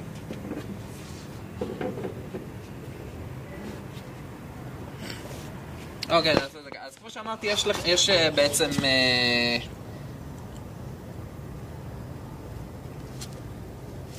נלך, בעצם, אוקיי, נלך ככה לגנוסטים, ואז אה, דרך כאן אנחנו נבין מאיפה בעצם מגיעה התיאוריה הביקורתית. הגנוסטים שהם האמינו שיש את העולם הבא של המהויות, ואת העולם הזה שהוא עולם אשלייתי ושקרי. עם הזמן, בין שני העולמות האלה הם פיתחו איזשהו סולם של שרשרת של האצלות, של, אה, כן, emanations, מה שנקרא באנגלית. שאלה הם כל מיני ספרות של השפעה שמהעולם של המהויות הם הולכים ונהיים ממהויות זכים למהויות יותר ויותר ויותר גסים, עד שהם נמצאים בעולם הזה. רגע, ו- סליחה, על מה אתה מדבר שוב? עכש- אה, על, על הגנוסטים בעצם, שהם. מדברים כאילו על ההבדל בין העולם הזה לעולם הבא, אוקיי? אז יש להם איזושהי שרשרת, איזשהו סולם של ספרות של מהכי זך העולם הבא להכי גס העולם הזה. בדרך כלל הסולם הזה היו בו שבע דרגות, למה? כנגד שבע כוכבים. אה, וכל כוכב בעצם אה, סימל אה, ספירה של השפעה שכשהנשמה שלנו באה מהעולם הבא לעולם הזה, היא לקחה משהו מאותו כוכב שאתה אה, איזושהי קליפה על הנשמה שלה, אוקיי? אז למשל, במ- בכוכב מרקורי היא עטתה על עצמה את כל הרעיון של שפה ומסחר, ואצל ונוס הוא עטה על עצמו את כל הרעיון של חושניות אה, ותאוות. אה, ב, ב, איך זה נקרא? בשבתאי הוא עטה על עצמו את כל הרעיונות של אורתודוקסיה ודת. ביופיטר, בצדק, הוא את כל הרעיונות של משפט וצדק. כל הדברים האלה הם קטגוריות שהוטבעו בתוך הנשמה, ואז היא נכנסה ונכלאה בתוך העולם הזה, שנשלט על ידי מה שנקרא דמיורגוס, שזוהה על ידי הגנוסטים כאלוהים התנ"כי. אה, ואז, ואז בעצם הגיעו, הפילו, אה, כן, בפילוסופיה הגרמנית, והתיאוריה הביקורתית בגדול נחה על זה, כן? עוד פעם על ההפרדה בין העולם הזה לעו- לעולם הבא, אבל ההפרדה הזאת היא הפרדה הפעם יותר קנטיאנית, שאומרת שיש את העולם כפי שהוא לעצמו, בלתי מחולל על ידי ההכרה שלנו, ויש את העולם כפי שהוא נתפס בהכרה שלנו, שאנחנו כופים עליו כל מיני צורות וקטגוריות של מרחב וזמן, ושל שפה וסיבתיות, ו... אבל, אבל אחר כך הבינו אה, כל מיני. הממשיכים שלו, הרדר ו... ואחרים, זה ש... אה, כל הקטגוריות האלה של השפה יכולים להיות, אה, בכל, יכולים להיות כל מיני, של כל מיני תרבויות, ואלה קטגוריות בעצם שאנחנו איתם בונים ומכוננים את המציאות שלנו, אבל קטגוריות אה, תרבותיות שבכל תרבות יכולה להיות אחרת. ואז אה, בעצם מי שהוא אבי התיאוריה הביקורתית הוא אפיגון של, אה, של גתה ושל הגל, וגם כן מב- המבקר הכי גדול שלהם, אבל האוניברסיטאות הפרוגרסיביות לקחו אותו, וכמו שאלן בלום, פרופסור אלן בלום מתאר בספר שלו הידלדלות הרוח אה, האמריקאית במאה ה-20, לקחו את ניטשה וחתכו אותו והוציאו אותו חזרה שמאלני, שהתאים, אה, שהתאים להם, רגע, בעצם שנייה, לקחו ממנו אבל רק היום התיאוריה לומדים היום. את התיאוריה הביקורתית, נכון? היום כן. אבל ו- זה, זה מגיע במקור מניטשה, שהוא בעצם בא והוא הוא עשה ממש את התיאוריה הביקורתית הזאת אה, על, על כל תופעה ותופעה, והוא הוא היה מבקר ממש, אה, כמו שאמרתי, ממש אה, את, אה, את, ה, את, הדברים, את הדברים האלה, כמו, כן, חושניות, שפה, כלכלה, מדינה, פוליטיקה, כל הדברים האלה שהגנוסטים אומרים שהם ספרות של השפעה שעטו על הנשמה הטהורה שלך, שעכשיו היא כלואה בתוך הכלא הזה שמורכב מתוך ההשפעות האלה, ושאחר כך קאנט, כן, יבוא ויגיד שאלה אה, אה, קטגוריות שאנחנו, תרבותיות שאנחנו כופים במסגרות על העולם ומכוננים אותו, ובעצם אנחנו כלואים בתוך הכלא הזה, התרבותי הזה, של השפה, חושניות, צדק, אה, דת, וכולי וכולי וכולי. אה, יבוא ניטשה וגם, אני, זה גם כן מדרכו של היוצר, הוא יגיד אה, משהו כמו, האם כבר השתחררת משבעת שטניך? כן, לפני שאתה מגיע אל, אל רוחו של היוצר, השלב הבא שלך באבולוציה האגנוסטית שלך.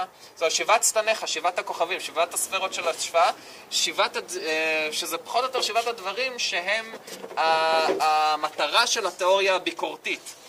אה, התיאוריה הביקורתית בעצם נוצרה על ידי אסכולת פרנקפורט, מה שקרה זה שהרעיונות של מרקס כבר אה, נחשבו וודו ב- בסוף המאה ה-19, תחילת המאה ה-20, כי כל ה... הוא אמר, כן, לפי... לפ... הוא בעצם, לפי הגל אמר, ההיסטוריה מתקדמת בשלבים. אנחנו נמצאים בשלב ה... של הקפיטליזם. היא, היא, היא מתקדמת על ידי, כן, אה, מאבק קוטבי של, כמו שהגנוסטים האמינו, בהתחלה צמיתים, אדונים, שוליה ואומן, אה, קפיטליסט, אה, בורגני ופרולטריון. כן, ההתקדמות כל פעם היא יותר ויותר זכה אבל, אבל בכל שלב, אבל בקוטביות, כמו שהגל, זה איך שכן אה, הגל נכנס למדעי החברה שלנו ומנסה להיכנס לכלכלה בימים אלה, זה דרך מרקס זה נורא ברור.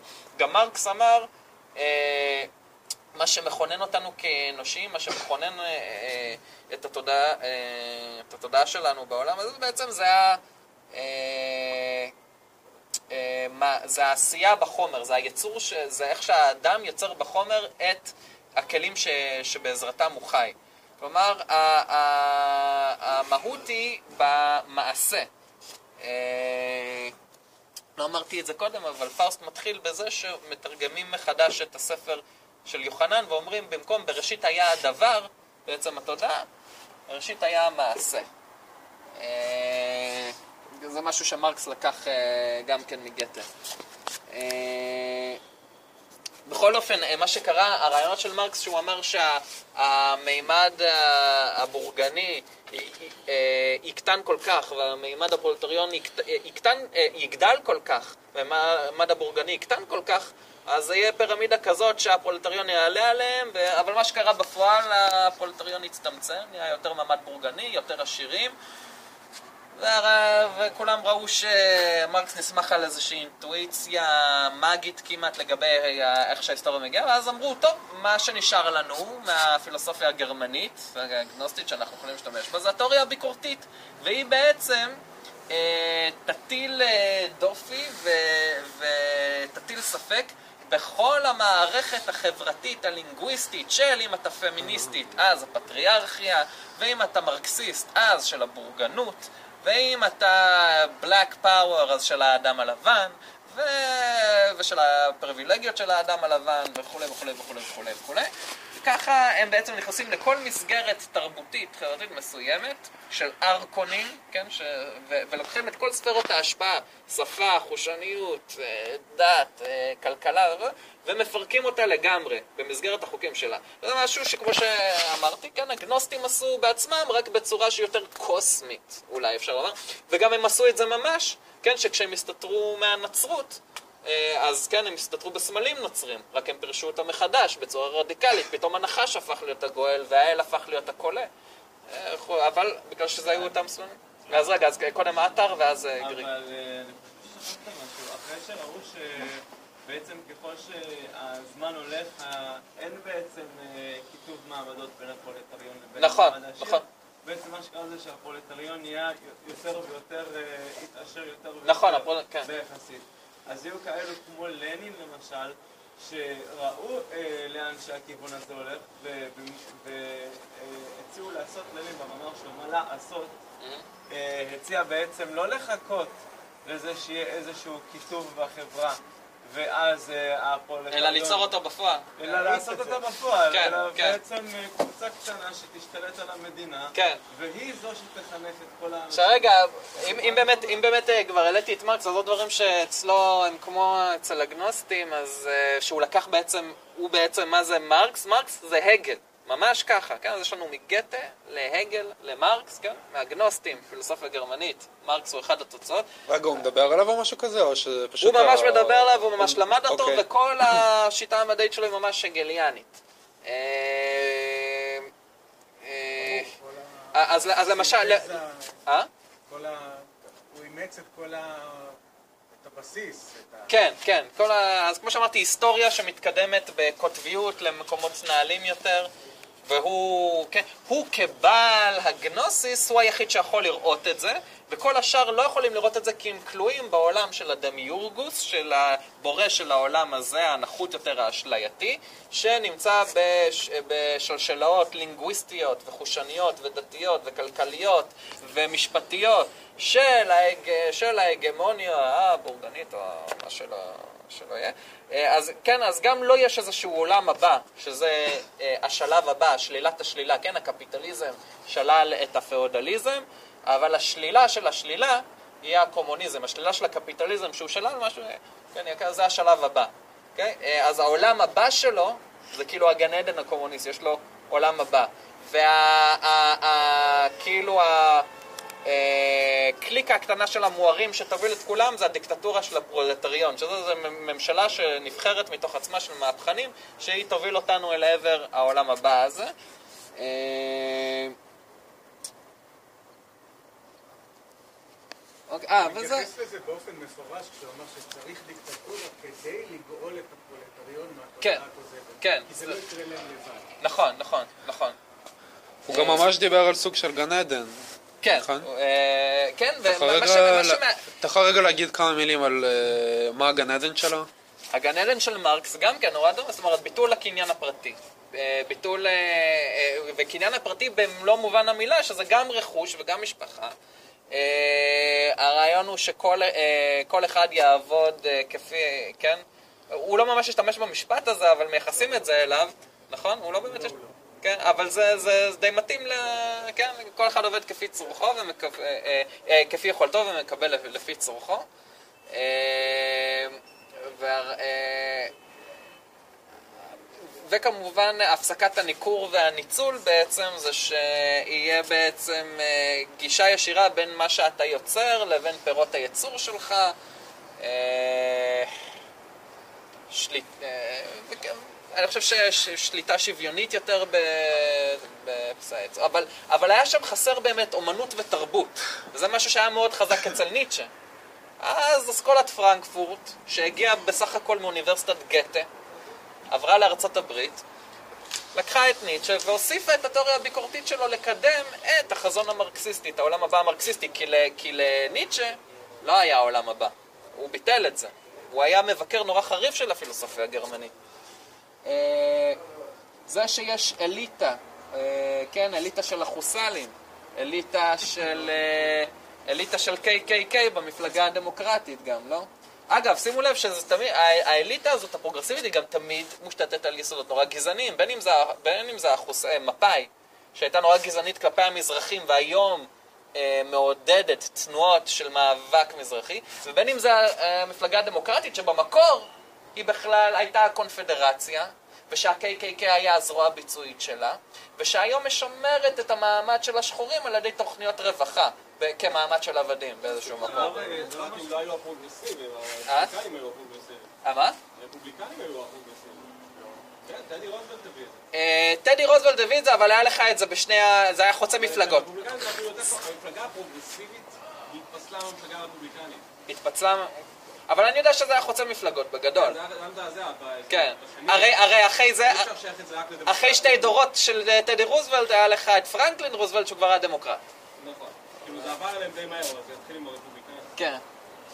אה, אז אה, כן, האליטה גם אצל ניטשה ואצל גתה מדברים, צו, יש משמעות רק אצל אדונים, ואדונים זה אלה שיש להם יותר מהידע, כן, של האליטה הזאת. אה, אנחנו רואים היום פה בארץ את המקום הזה של האליטה נורא חזק, אני חושב, בחוק הספרים, שהם, בהם, שהם, זאת אומרת, אתה ממש רואה את זה בפילוסופיה הגרמנית, כאילו, איזו הסתכלות כזו על ההמון שהוא כאילו, הוא נורא מרדד דברים והופך אותם ל, ל, לפשוטים ולגסים. אז בדיוק, וחוק הספרים זה הדוגמה שרציתי להביא, ספר זה לא עגבנייה. האליטה הזאת, כאילו שהיא היא צריכה לחנך, כן? אוקיי? אה, זה ממש, זה ממש גנוסטי. אה, אה, יש לכם עוד איזה... כן, רציתי לשאול העט? אהבתי את העט, כן, שמעתי את זה. כן. רציתי לשאול מקודם, אה, אמרת שהגנוסטים היו מסווים, או כן. אפילו קו-אופטינג, נכון, סימבולים אה, אה, של זמנם. כן. זה היה משהו שהוא היה מכוון, או כן. פועל יוצא של התקופה ושל איזושהי אבולוציה מחשבתית? יפה. הם, עשו את זה באופן מודע? גם באופן מודע, כי ככה הם הסתתרו ושרדו. וכן, זה פועל יוצא של אותה, של אותה תקופה, של אותה תרבות, אבל זה מדהים כי הם, הם עשו ממש איזושהי תיאוריה ביקורתית בקטע שהם היו לוקחים אנשים שהם נוצרים, מעבירים אותם את כל אה, שמונה השפעות הספירה האלה, כאילו מוציאים מהם את ההשפעה הזאת דרך אה, תיאוריה ביקורתית או משהו כזה, מבנים להם איזשהו ידע פנימי, ורק על... אגנוסטים. רק על שיש להם את הידע הפנימי גם אה, יודעים למשול, יכולים לשלוט. כמו שאמרתי, בעולם העתיק, אתה מסתכל על, על הסיפור של נמרוד, על הסיפור ש... סיפורים של אוסייריס, והפרעון, תמיד הפרעון והשמש והאל הגדול זה המדינה, זה השולט, זה השליט. אה,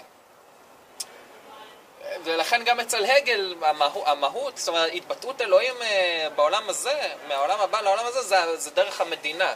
וכל החירות שלך היא חירות חיובית, כי כל החירות שלך מותנית במדינה, וכל ההגדרה שלך, וכל... היא הגדרה של הזיידגייסט, כן? ש... ש... אה, קוראים לזה לא מארג, אלא... כן. זיידקייסט רוח התקופה. רוח התקופה, יש לזה כאילו לכידנות, זאת אומרת, לכידנות של כל ה... כן. אה, בזמן האחרון, האמת שאני די מתעניין אה, בסין אה, העממית בתקופה של מאו ובמלחמת האזרחים הסינית. כן. אז מה שאני רוצה לשאול זה כזה דבר. מאו ידוע אה, בתוכניות שעושה קפיצה גדולה קדימה. כן. ומהפכת התרבות. בין היתר הוא דיכא אה, אמונות אה, פגניות. אה, המהפכה התרבותית זה לא כל כך מה, זה כמו חבורה שם. כן, החבורה של מאו, אבל גם הוא וגם אחר, וגם אחר כך דיכאו בעצם אה, מרקסיסטים שהם גלגול, שכפי שאתה אומר, אה, תשמע, לא, אבל אה, אני יכול לתת לך דוגמאות של קבוצות גנוסטיות שדיכאו קבוצות פגניות אחרות. לא בדיוק ה...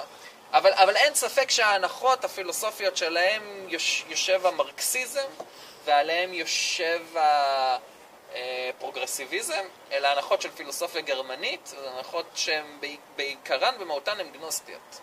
הם, אה, עכשיו, עכשיו הם, הם, הם ממש, שימו, עכשיו עוד, אה, עוד אה, תופעה נורא מעניינת. איך כאילו, יש להם מצד...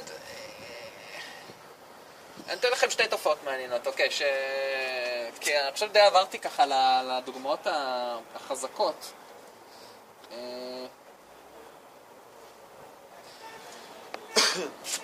אז למשל, הזכויות היום, בוא נאמר, אם אתה מסתכל על ההיסטוריה של זכויות, עוד, עוד לפני העולם המודרני, אה, אבל גם כן בעולם היותר מודרני, אה, זה ששרד עד היום החזק, למשל התיאוריות של לוק, בארצות הברית, אתה לא יכול להפריד את מונח הזכויות ממונח החובות.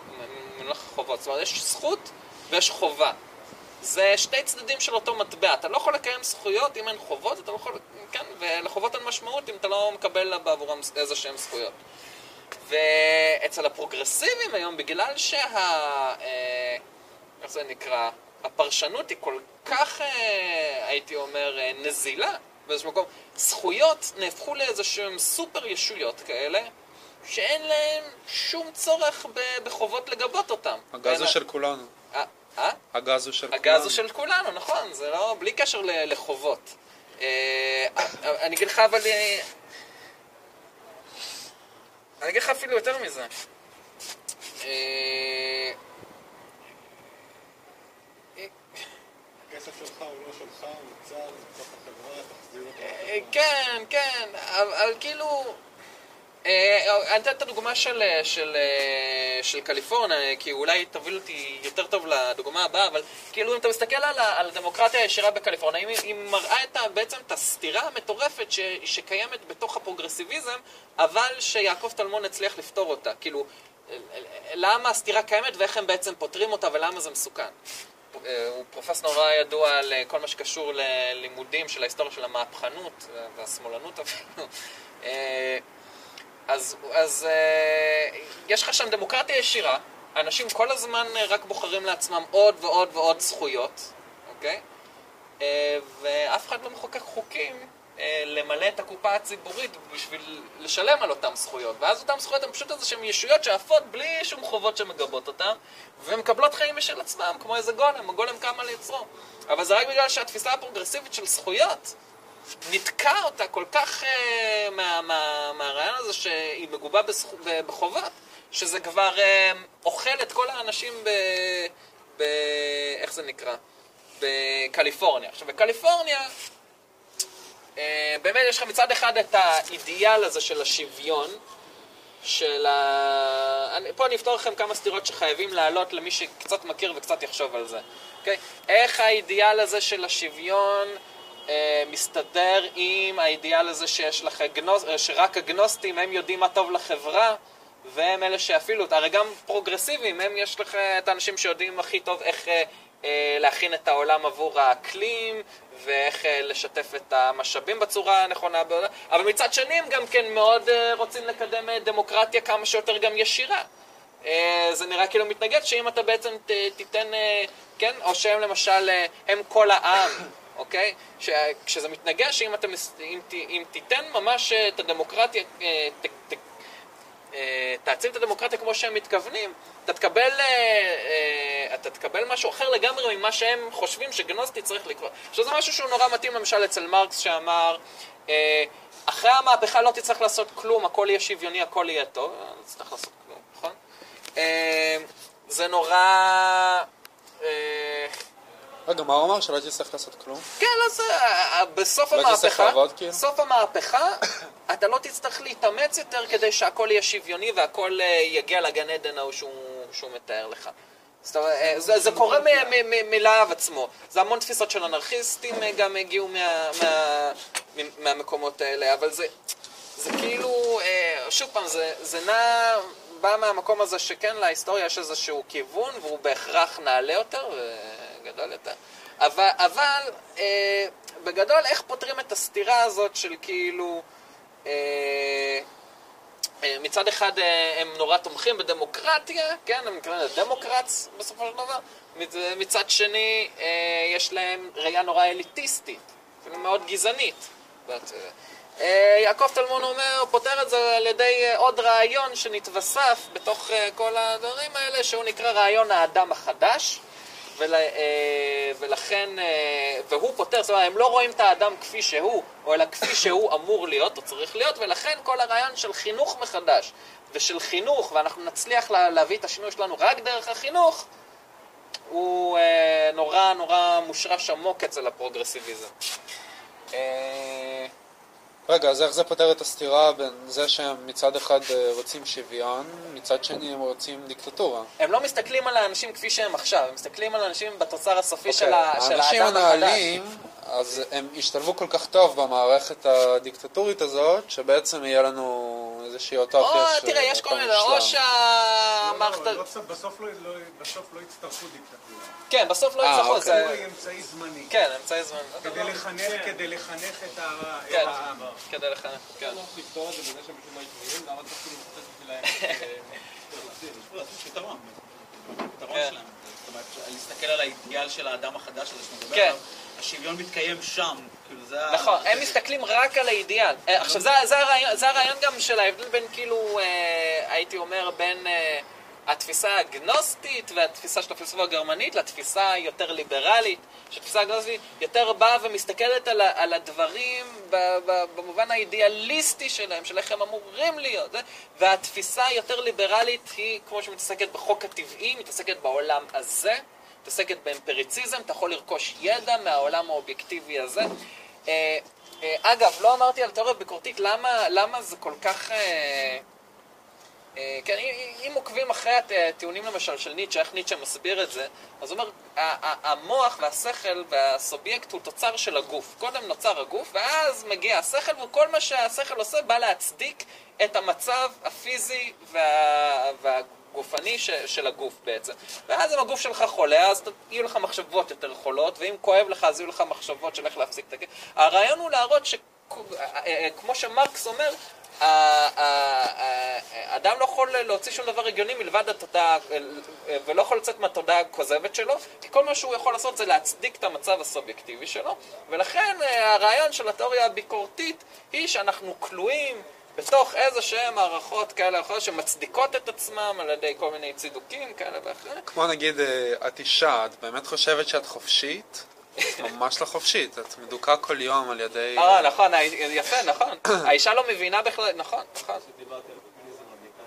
זה הפמיניזם, כן, הפמיניזם הרדיקלי יבוא ל- לאישה הליברלית שהיא אה, מצליחה בזכות עצמה ואולי אפילו בזכות קצת המיניות שלה והיא אפילו אה, נורא יפה או אה, יפה כמו שאולי אומרים לה בפרסומות ואז אומרים לה את לא רואה שאת מתאפרת כמו בפרסומות של הפטריארכיה ושהם בעצם שואל, כן, ואת נמצאת בעולם במגרש הכלכלי שלהם והם בעצם עושים לך זובור ואת לא רואה ואת משתמשת בשפה שלהם ואת שותה את, את הוויסקי איתם, את בעצם אה, משתתפת בחוקים שלהם ובמערכת את כלואה בתוך הקטגוריות שלהם ואין שום, אה, אין שום איזה שהם אמיתות, אה, כן, אה, אובייקטיביות כאן שלך, אלא את פשוט כלואה באיזשהו כלא שהם יצרו עבורך.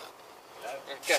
קצת רמזת על זה, אבל הייתי רוצה שתדבר יותר אולי על הקשר בין פרוגרסיבי- פרוגרסיביזם לבין רתיעה מרציונליות ומיסטיקניות. אוקיי, כן. אז... אה, אה, כן, אה, העניין המיסטי הוא, נגעתי בו ממש בקטנה, למשל, אה, אה, אחד הקונספטים הקונספטים המאוד חזקים אה, בסיפור של פאוסט הוא בעצם הרעיון שהוא כורת ברית עם השטן. עכשיו, אם אתה מבין את זה מנקודת מבט גנוסטית, אתה תבין גם שהשטן, מפיסטופולוס, מייצג בעצם את האל, את אלוהים התנ"כי. אני יכול להיכנס לזה אחר כך עוד מעט, והוא באמת מייצג את ההכרה ורציונליות אה, ושימוש נכון בהכרה. אה, הרעיון הוא שהוא אה, הוא מפר את הברית ולא זוכה בעונש. כלומר. אחד מהמהויות של הסיפור הוא רעיון של אה, הפרת, כאילו לא, אפילו לא הפרת ברית, אלא אה, אה, מיסוס. המשמעות של רעיון הברית. בתורה זה בדיוק ההפך. כל הרעיון של ברית מילה הוא מה שיוצר את הקשר החברתי ואת ה... אולי האדם העליון יותר, זה בן אדם שאתה יכול לסמוך על המילה שלו, על... זה בעצם של ברית המילה. זה לא רק הברית של הכוח הגנרטיבי ה- ה- של היצירה, שהוא נמשל לכוח היצירתי של ההכרה והשפה. אה, הרעיון הוא שהוא, כן, אתה לא, עכשיו, כשאתה בא ואתה אה, מוציא ממגדל הג'ינגה הזה את, ה, את הלבנה של יכולת של אנשים ליצור ברית והסכמים זה עם זה, בצורה, כן, של היקשרות רציונלית, אז אה, בעצם המערך הכוחות כבר נתון פה לא לבחירה חופשית, או כן, אה, לאיזשהו שיח רציונלי בינינו, בין הפרטים שאנחנו אלא בסופו של דבר לכוח ובעלות על אה, אמצעי הכוח, ואז הם יכולים לבוא ולהגיד, זה, זה למה גם הם תמיד, אה, אה, בשבילם כל דבר בכלכלה נראה דכאני. כל דבר בכלכלה הוא בעצם איזושהי, אה, איזושהי ברית, איזשהו, אה, איזשהו הסכם, וכל ההסכמים וכל הבריתות האלה זה דברים שבפילוסופיה הגרמנית מאוד מאוד מאוד לא אוהבים. אה, לדברים שהם מסתכלים עליהם, עליהם כמו שלשלאות, בעיקר שלשלאות של השפה.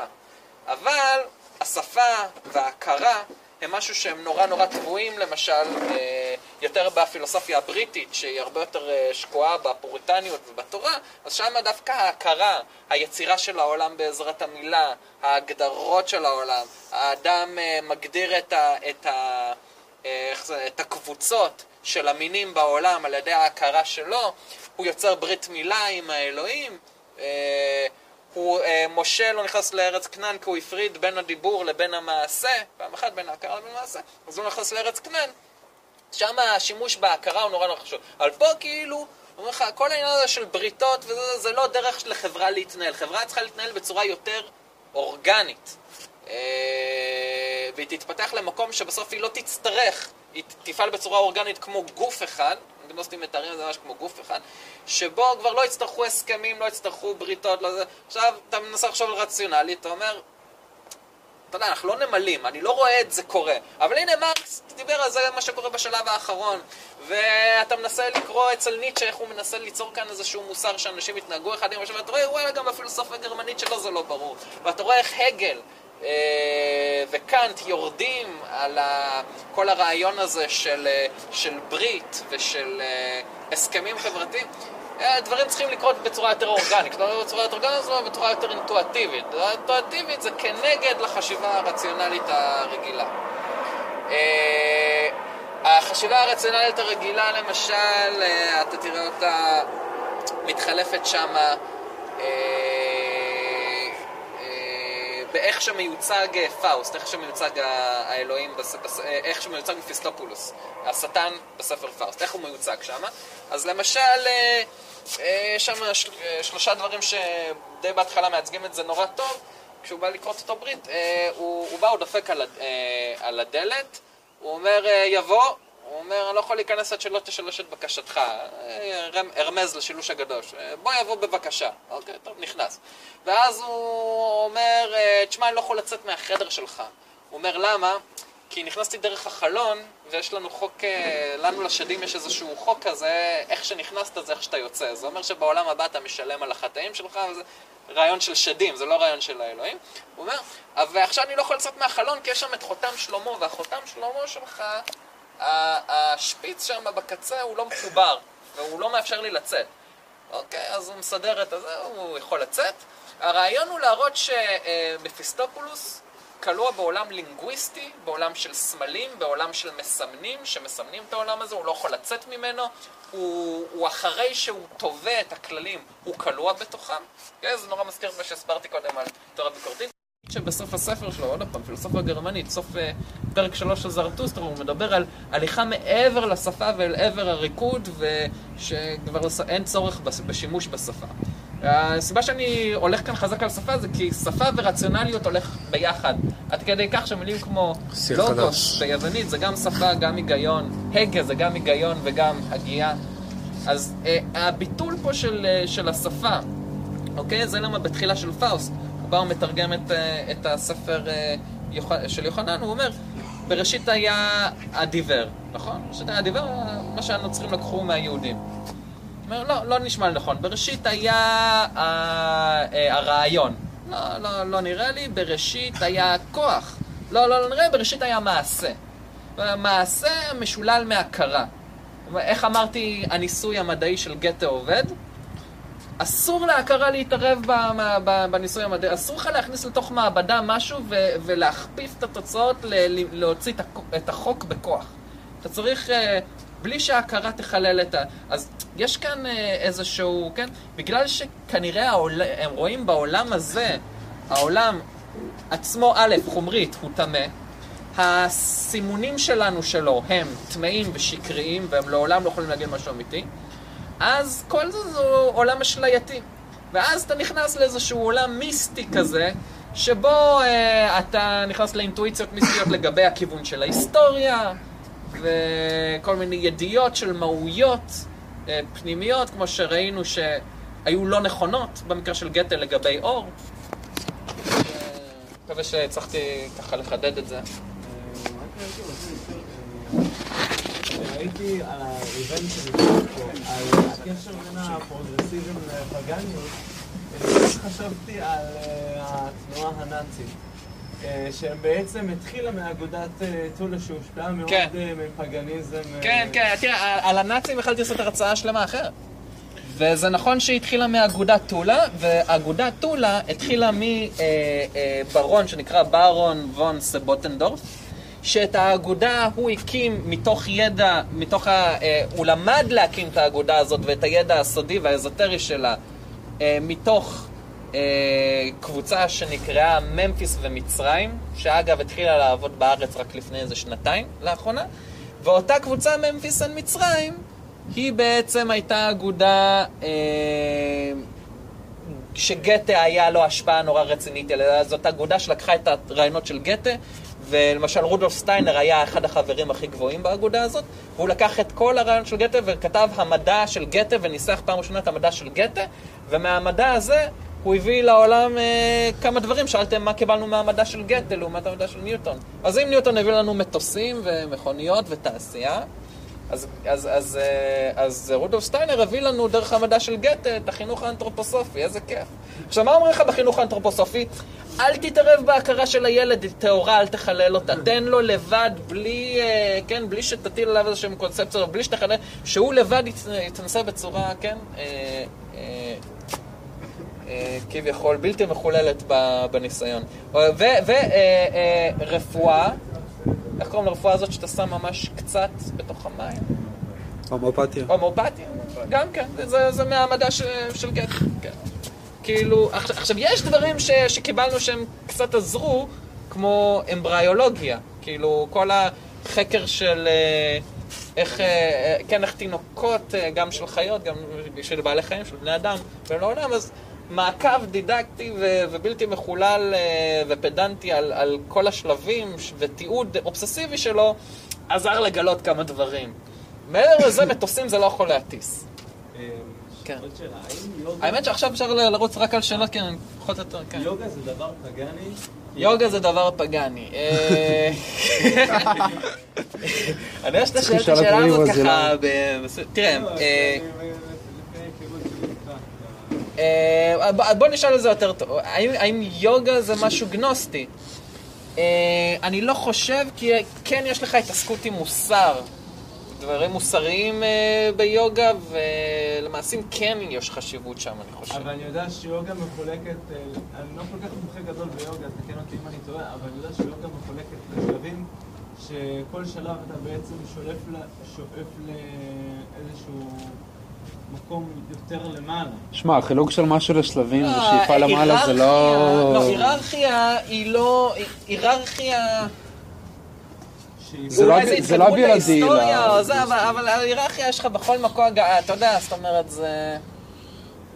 התקדמות והתפתחות זה לא בלעדי לגנוסטים, אוקיי? זה לא בהכרח היררכיה עצמה, אבל. איזשהו... התקדמות בסולם עד השחרור, כן. ושה... אה, זה אולי- זה אולי דומה, אבל אני אגיד לך מה ההבדל, אני אגיד לך בדיוק מה ההבדל. הפרקטיקות של היוגה, וה- זה הבדל באמת נורא מהותי וחשוב לעמוד עליו. הפרקטיקות של היוגה והבודהיזם, הן באות לבטל את התחושה הזאת של הנפרדות של האני באמצעים מדיטטיביים, אה, באמצעים, אה, בוא נקרא להם רוחניים, בסדר? הגנוסטים, איך שהשומרים עושים, הם מבטלים את התחושה הסובייקטיבית של האני על, באמצעים פוליטיים, על ידי זה שהם מוותרים על הרכוש שלהם, מוותרים על המשפחה, הופכים להיות, אה, הופכים להיות השומרים בקהילה הגדולה של, ה, כן, של החברה של המלך פילוסוף. שההבדל הוא בדרכי הפעולה ולא... הוא יותר בדרכי פעולה, אבל גם אה, הוא מוביל להם, זאת אומרת, אני לא ראיתי קהילה פוליטית של אה, יוגים אף פעם. זה משהו יותר אינדיב- אינדיבידואלי, אני חושב. כן. אה, הוא קודם ואז שמרי. שמרי קודם. כן. בודהיזם יחסית אה, קנה אחיזה די חזקה בתחילת המאה ה-20 בארצות הברית, זה מה שהתחלת לדבר עליו. כן. אבל מצד שני אפשר להגיד שאחרי FBI הוא איבד אותה. שאחרי אחרי פרנקלין דלן הרוב הזה הוא איבד מהפרוגרסיביות? הפרוגרסיביות בפוליטיקה האמריקאית. אה, אה, אני לא יודע, אני חושב שאת אובמה די הייתי מגדיר כן, אבל progressive. אובמה הוא סוג של חריג. אם אתה לוקח לפני אובמה בחזרה? בוא נראה. קלינטון הייתי אומר, קרטר בוודאי. אה, אתה בגדול אומר שכל הדמוקרטים,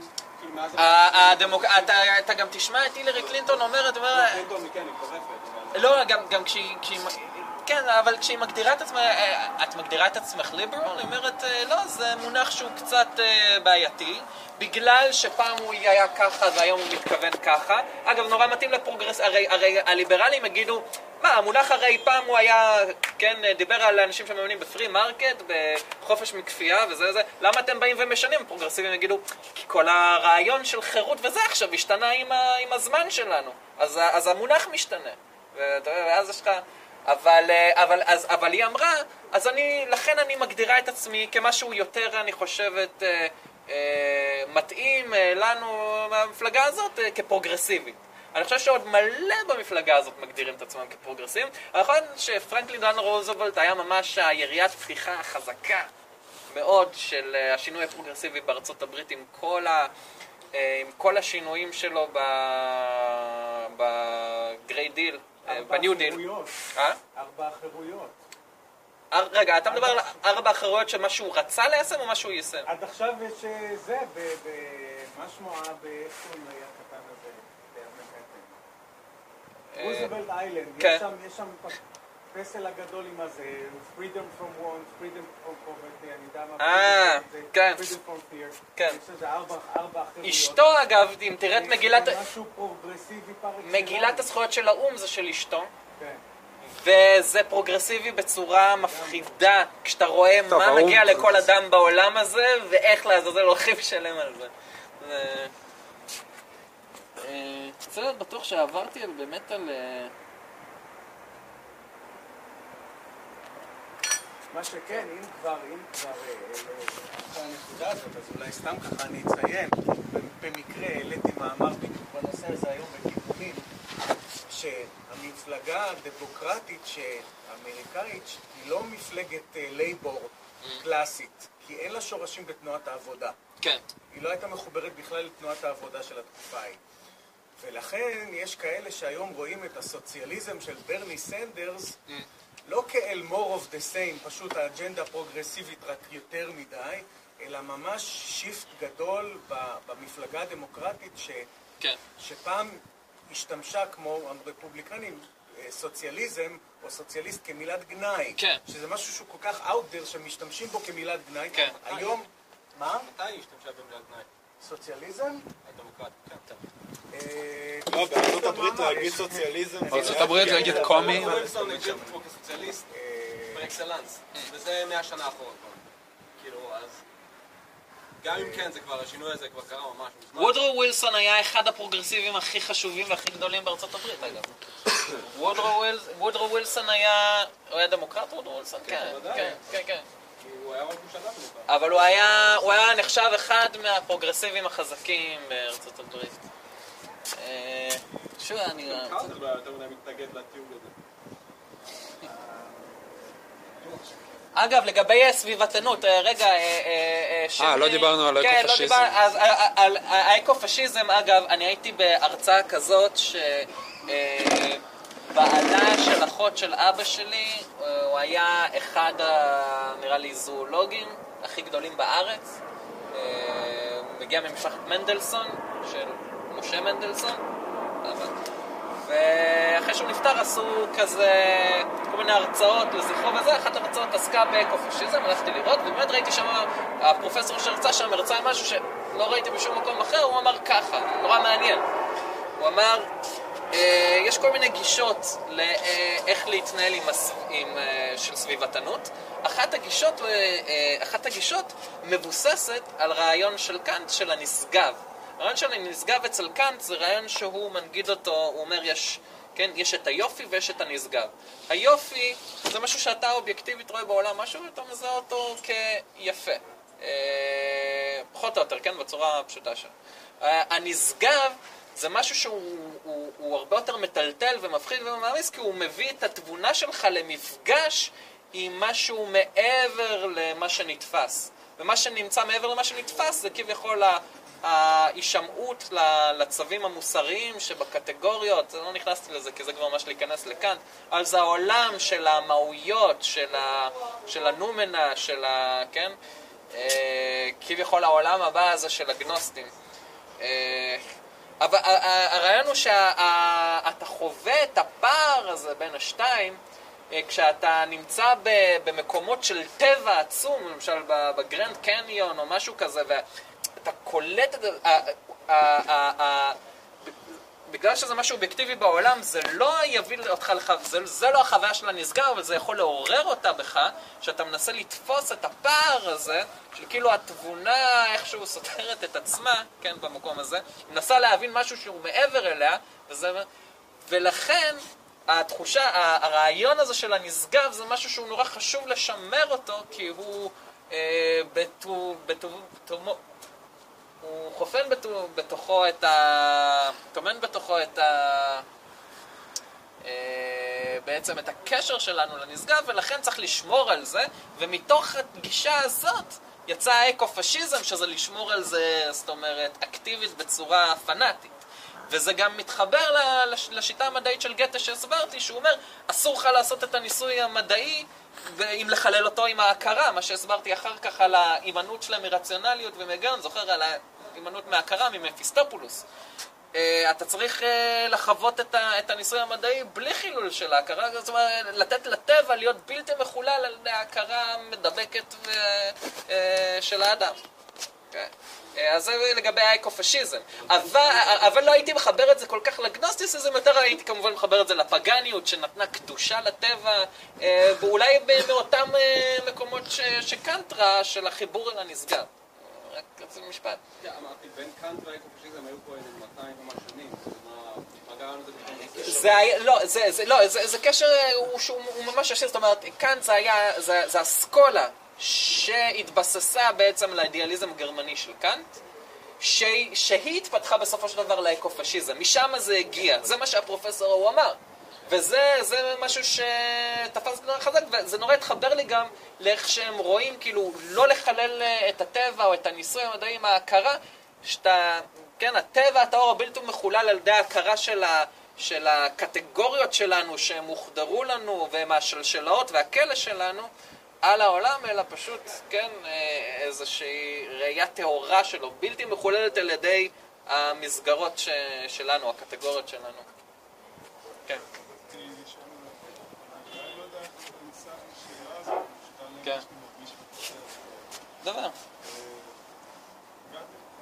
אה? גתה, כן.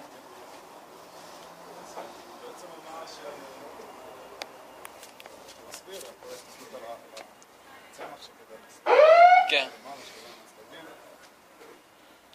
שאתה צריך לחוות את זה באופן מאוד אורגני. Mm, כן. נכון. כן, אה, הרעיון של האורגניות פה, אז האמת השתמשתי במונח הזה אורגני, וזה טוב שאני עכשיו אסביר מה זה אומר. זה אומר שאתה מנתח כל תופעה, אוקיי? למש, אה, למשל את המדינה, את החירות, את הצמח, אה, את האור, בצורה שלוקחת בחשבון את כל, כל, כל התהליך שהוביל אותה, ואז למשל אתה בא ואתה בודק מונח כמו חירות, כן? ואז למשל אם אתה בהכרה רגילה, אם אתה עוד לא שיכור. כן, אה, ויליאם ג'יימס אגב אמר שלהבין את הגל חייבים פשוט לשאוף מלא מלא nitro dioxide, שזה גז צחוק. אומרת, אתה בהכרה נורמלית, אתה, כן? בלי הרבה גז צחוק. אז uh, אתה הולך למילון, ורואה, הנה המילה חירות. Uh, אבל הגל יגיד, לא, לא, לא, לא, לא, זה המילה חירות כפי שהיא עם הזיידגייסט של היום. אתה לא לוקח בחשבון את כל התהליך שהמילה חירות אה, עברה, והחברות, ואיך היא, איך, איך, איך, ההגדרה שלה שהיא לפי התרבות שבה אתה חי היום, האירופאית, אה, זה לא לוקח בחשבון כל התהליך של איך בעצם מושג חירות הגיע אלינו, ועבר עד, והתמורות שהוא עבר עד ש...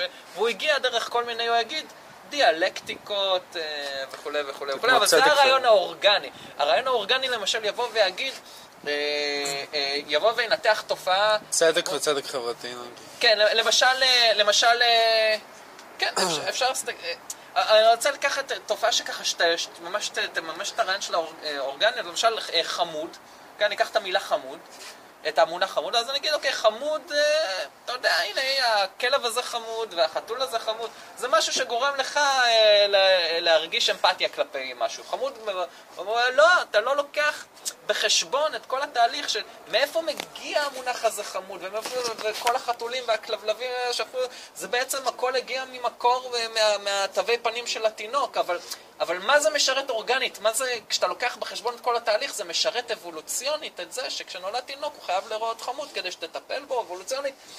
התפיסה האבולוציונית הזאת לוקחת בחשבון את כל התהליך. ואז הפרוגרסיבים, תמיד מה שהם ינסו לעשות עם התיאוריה הביקורתית וזה, זה, אתה תבוא ותגיד להם טיעון רציונלי, אובייקטיבי, הם יגידו, לא, זה לא רציונלי, זה לא אובייקטיבי, זה במסגרת החוקים והקטגוריות של המגדר שלך, הגזע שלך, הזה שלך, וזה בהתאם לתרבות והזמן שבה אתה נמצא עכשיו, ובתקופה הזאת זה לא היה ככה, ובתקופה הזאת זה, כן, זה היה ככה, ולכן זה סותר לך גם מה שאתה אומר. זה כמו אפליה מתקנת. אתה שואל מה זה אפליה, זה כשאחד מקבל ככה או השני מקבל ככה? מה זה אפליה מתקנת? לוקחים בחשבון את כל האפליות שהיו עד עכשיו, אה, את כל המקום התרבותי ואת כל המאבקי כוחות, ומפלים את מי שצריך להפלות באמת. אגב, כל עסקה כלכלית לא יכולה להיות, כי אם לוקחים בחשבון את כל התהליך שעד שהגיע לעסקה הכלכלית, אז בעצם אתה נמצא, כן, אה, בעסקה לא הוגנת, כי הוא אה, עשיר יותר, והוא מינימום. גבר ואת אישה, וזה, אתה לא לוקח בחשבון את כל התהליך של המגדר והחברה, שהם אה, בלכידנות יחד מסבירים את התופעה של העסקה שלך עכשיו יותר טוב, ולכן העסקה שלך היא לא נכונה. אה, אגב, זה נכון שאולי באמת המוח האנושי לא יכול לראות את כל התמונה הגדולה, אבל שמישהו יבוא, כן, איזה גנוסטי יבוא ויגיד, אבל אני יכול לראות ולהגיד לך שהעסקה הנכונה שתעשה היא דווקא ככה, אז הוא חצה את הגבול. אז הוא חצה את הגבול, אז הוא מנסה לכפות עליך משהו. כי זה, זה בעצם המ- המ- המהות- אחת המהויות הגנוסטיות.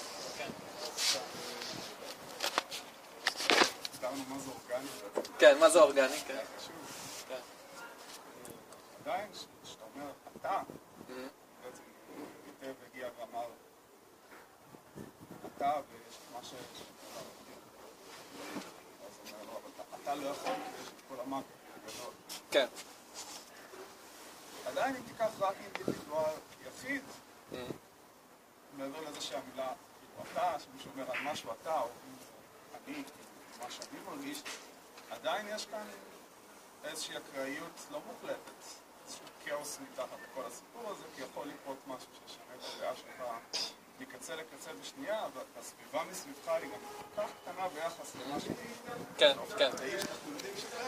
כאילו, אתה אומר שאי אפשר לומר. שום דבר קונקרטי אם מנסים לנתח דברים ככה.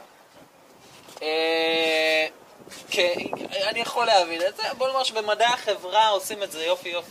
בשנה האחרונה, כן. ובהמשך לזה, כן. בשנה האחרונה, לימודים בשיחה, כן. חלק מה- מההכנסה שלי כסטודנט הייתה בעצם ניסויים בפסיכולוגיה. יש עיוורון כי כי כן. Some shit בניסויים האלה, אבל אה, עשיתי המון המון המון ניסויים, זה היה סוג של פרנסה בשביל כסף, כן. כסף לא בכלל. אה, כל יום ברמה של כל יום, שניים שלושה ניסויים, זה יכול להימשך 40 דקות, זה יכול להימשך רבע שעה, זה יכול שעתיים. אף אחד האלה, אף אחד מהם לא היה אובייקטיבי. אף אחד מהם לא, לא הרגשתי שזה אורגני, או קרוב לאורגני בכלל, בין אם זה הבן אדם שקיבל אותי לתוך הניסוי, כן. בין אם זה האמצעים שהשתמשו בהם בשביל לבדוק את הניסוי הזה. אז גם המערכת שמגדירה לכולם מה זה אורגני, כאילו, ומה זה כן. מדע, כאילו, המדע שיורה עלינו אינפורמציה, יש פה איזושהי, כאילו, מה עומד מתחת למדע זה דבר אחד, אבל, אבל גם האינטרפטציה שלנו היא קצת מעוותת ברגע שאתה חווה את זה. ממליץ לכולם פה לעשות ניסוי באוניברסיטה לפחות פעם בחיים בשביל להבין כמה זה מגוחך. או לפחות. לוקחים את זה ברצינות אחר כך, את התוצאות כן. של זה. כן. כן. גם אם זה ניסוי של 50 אלף נבדקים וגם אם זה ניסוי של עשרה אנשים. כן. זה- לא- לא ש- שאני אומר כאילו באבסולוטיות. כן. מה דעתך על זה? אבל נראה לי, זה נראה לי ניסוי קלאסי, כאילו, מה שאתה מספר, לא? אם זה ניסוי של אה, שמו אותך במעבדה, אה, קרה שם משהו, בסוף אה, נתנו לך למלא שאלון, משהו כזה? גם כאלה, היו הרבה סוגים של ניסויים. זאת המהות של ניסויי מעבדה. כן, זה ניסוי מעבדה, זה לא הייתי אומר, הניסוי ב... אני חושב... זה לא מרגיש לך טבעי, זה נכון. לא כן. ודווקא זאת הייתה הביקורת של, אה, כן, של הפילוסופים הגרמנים, זה שניסוי הוא ניסוי מעבדה. הוא מעקר כאילו את הידע המדעי מכל תוכן, כי אתה כאילו מכריח אותו לתוך העולם הקטגוריות שלך, לתוך הכלא של הקטגוריות שאתה נמצא בו. אתה מכניס אה, את, ה, את התופעה לתוך ה... כן, ניסוי במעבדה, בתוך, בתוך הכלא, ומנסה לגזור ממנו איזה שהן מסקנות. אה, בתנאים של השטח שלך, ואתה לא מבין מה בעצם מרכיב את המהויות האלה ואת הכלא הזה, או שאתה נמצא בו בתוך המעבדה. אני לא יודע, כאילו השאלה הייתה מאוד, אה, אני מרגיש, אה, איך זה נקרא, כללית יותר, לא? המתודות המדעיות במדעי החברה הן מאוד ממוסמסות כאלו, מאוד... אה, כן, אני חושב, ה- ה- ה- המתודות במדעי, בוא נאמר, השיטת, הייתי אומר יותר... הקפיצה אולי- למסקנות, אולי- זהו, זהו, לא יודע. המסקנות, התיאוריות מאחורי התוצאות של הניסויים, שם אני חושב אולי זה ייכנס יותר, התפיסה הזאת. כי באמת, כמו שאמרתי, כן, הגישה הזאת ההגליאנית, שאחר כך מרקס לקח, ואז התיאוריה הביקורתית, כן, לקח, זה, זה, הם מונחים על, אה, על, על אותם הנחות, אה, התקדמות ודרך דיאלקטיקה. אני- אבל נראה לי שכן, מהניסויים, ניסויים במדעי החברה, זה באמת התיאוריה שאחר כך... התיאוריה שאחר כך מנסה להשתמש בכלים מדעיים אה, יותר אובייקטיביים בשביל להסביר תופעות, שזה בדרך כלל לצפות בדברים קורים, ואז, אה, כמו שהסברת לפני זה, להניח שזה קורה בגלל סיבה כזאת או אחרת, ולהתבסס תמיד על, אה, על הספירל הזאת שדיברת עליה, כן. ואז אה, להמציא איזשהו שאלון, שאנשים ימלאו, שהוא כתוב בצורה מאוד ספציפית, תקן אותי אם אני טועה, שמכווין לתוצאות מאוד מסוימות, וכן, אני הגעתי לזה בצורה לגמרי אובייקטיבית, אבל אה, עדיין התוצאות היו מאוד אה, מבולבלות בדרך כלל. כן,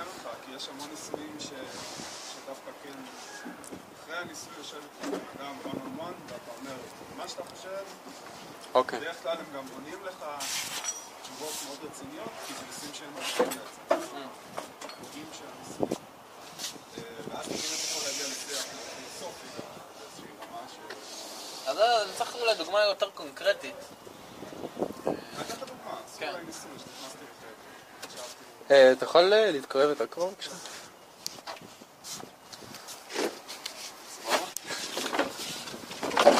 אני יכול לצלם אותך? עשו עליי ניסוי, שישבתי מול מסך בעצם, והראו לי תמונות מזעזעות, ואחרי זה כאילו באיזשהו רצף, זה היה לזה איזושהי חוקיות שהבנתי מאוד מהר, כי, כי זו חוקיות, בין היתר כי אני משחק המון משחקי מחשב, זו חוקיות מאוד מאוד אה, ברורה, ברגע שאתה עולה על הגל. אז כל פעם שהייתה תמונה מחרידה, אפילו אם זה היה לשגריר שנייה, לשגריר שנייה פשוט עשיתי ככה בעיניים, והמשכתי, פתחתי והמשכתי לעשות מה שאני עושה. אה, אחרי זה, בסוף הניסוי בעצם מוציאים אותך מהחדר, אה, אתה ממלא שאלון, מאוד אה, דמוגרפי, מאוד לינארי גם באיזשהו מקום, כאילו. ואז, ה... ואז כאילו בדרך כלל הניסוי נגמר, לך כסף, לך. כן. אה, אבל אותי תמיד עניין קצת יותר, כי בכל זאת עברתי הרבה ניסויים, לא רק בשביל השכר בסוף, גם בשביל להבין באיזשהו מקום איך אני מסתכל. על המדע הזה שאני כל כך מאמין לו. כן.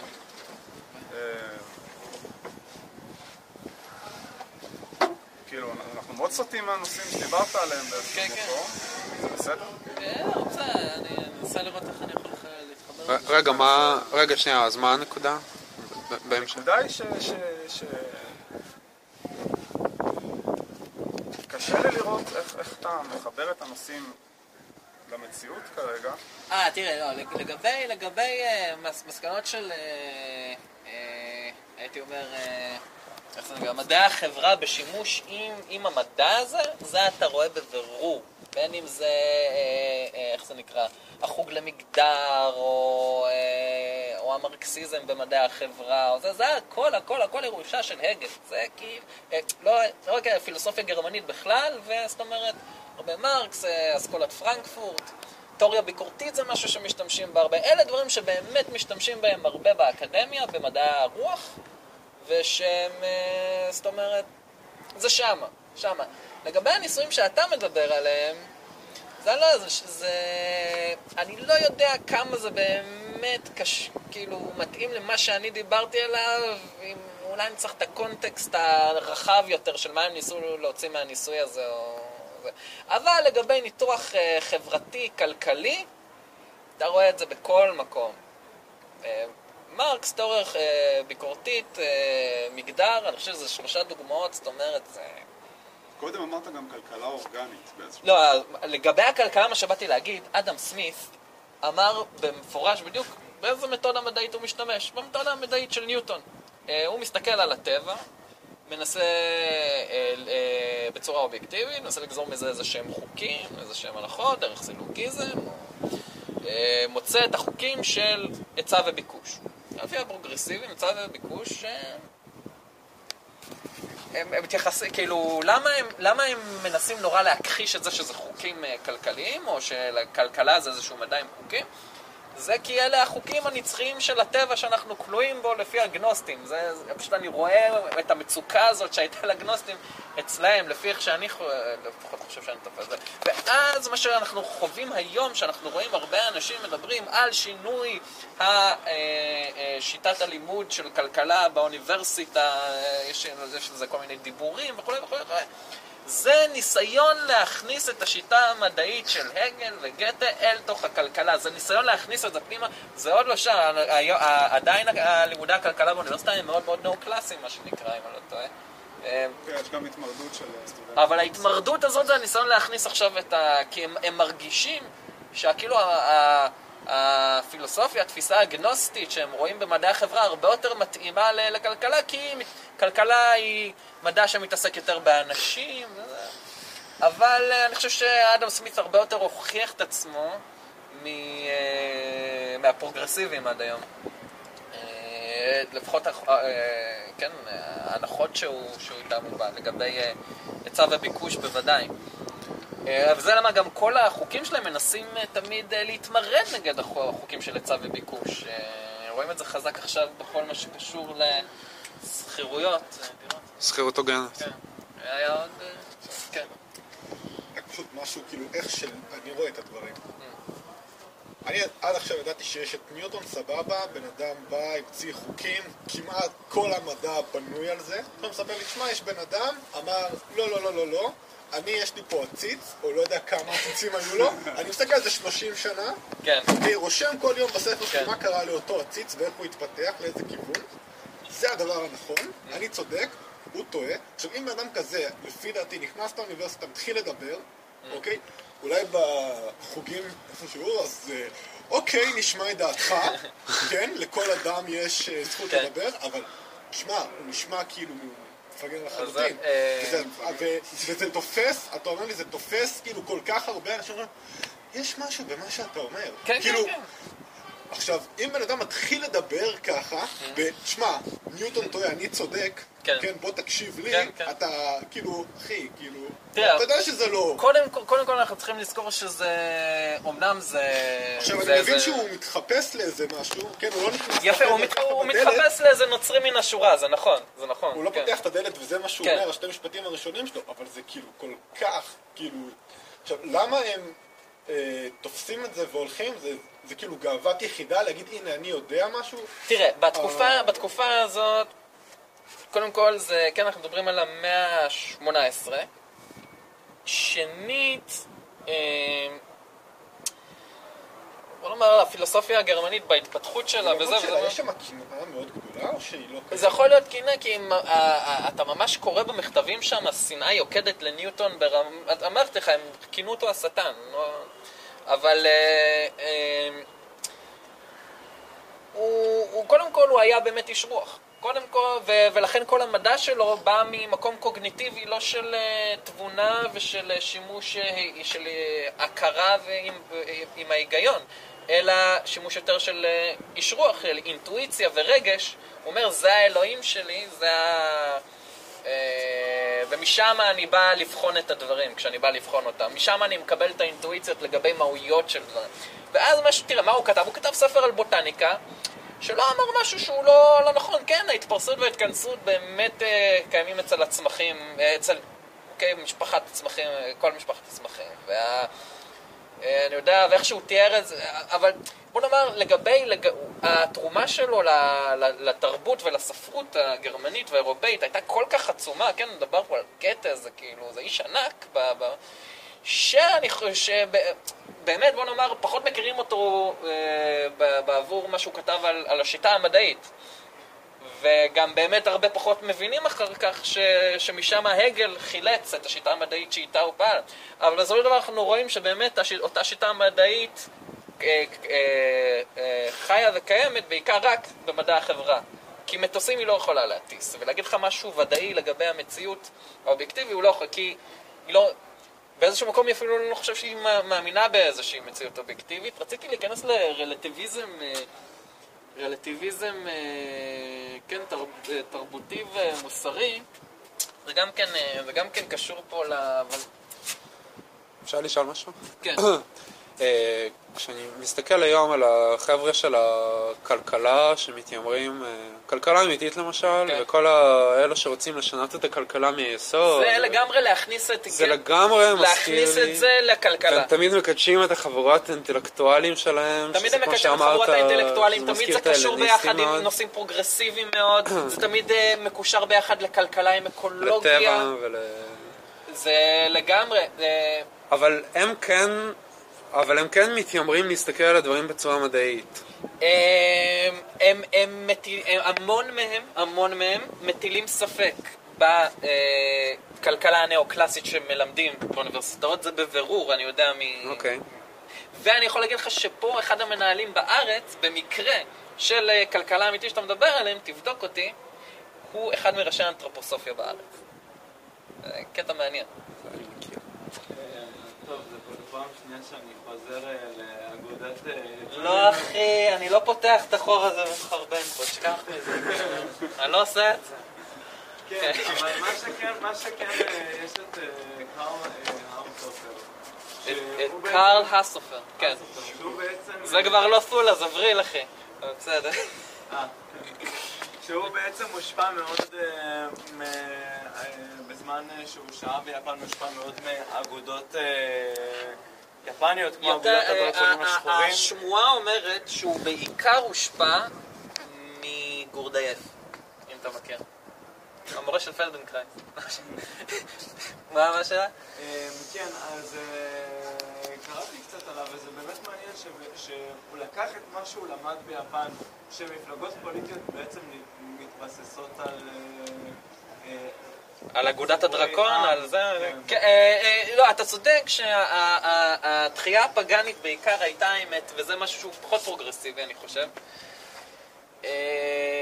התחייה הפגאנית הייתה בעיקר אצל הרומנטיקנים, חלקם היו גם חלק אה, מאוד משפיעים בפילוסופיה הגרמנית, בין אם זה קאנט שפתח את השער וגתה, אבל גתה עזב בסוף. אז אני מדבר על פילוסופיה גרמנית שעזבה את הרומנטיסיזם, אבל הרומנטיקה באמת רצתה, אה, אה, ראתה ב, בתחיית המיתוסים של אומות והמהפכות של אביב העמים 48 של מהפכה לאומית דמוקרטית, ביחד עם המיתוסים שסובבים אותה כאיזושהי תחייה של פגניות, של המדינה האורגנית יותר. אה, nation state. אה, הלא- הלאומיות הייתה אז משהו יותר אולי פגאני ואורגני באותה תקופה, איך שהם ראו אותה. אם אתה לוקח את זה נורא לקצה את מה שהם מאמינים, המדינה הלאומית, למרות שבסופו של דבר, בטופ של הטופ, כי ההיסטוריה מתקדמת, הם היו קוסמופוליטים.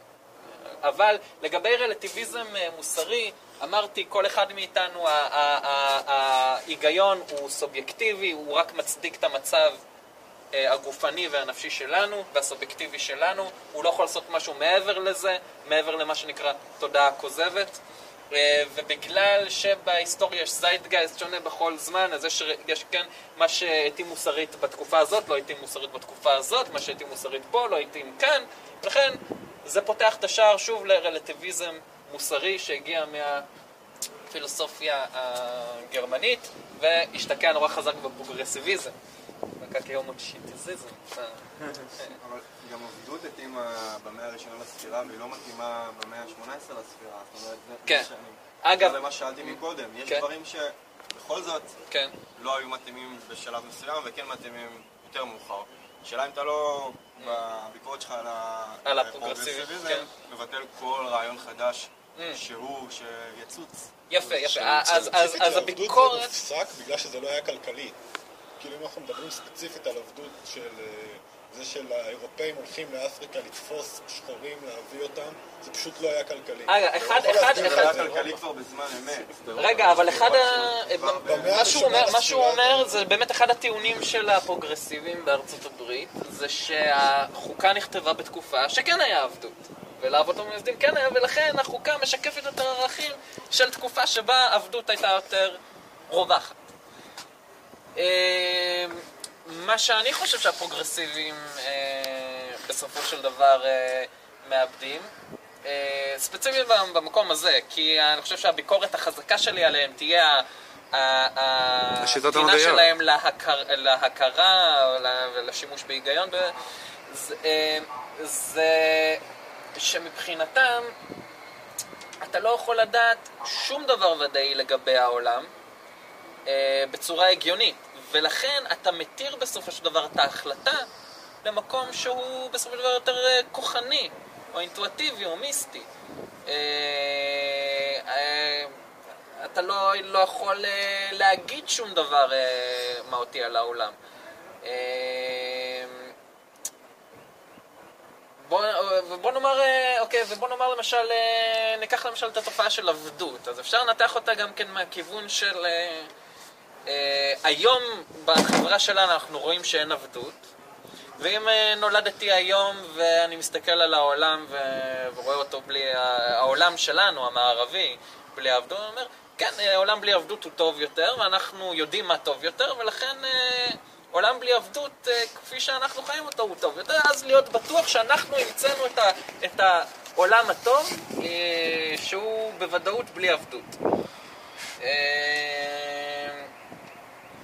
ואז כאילו, מה בעצם אני אומר? מה, מה חבוי מאחורי מה שאני אומר?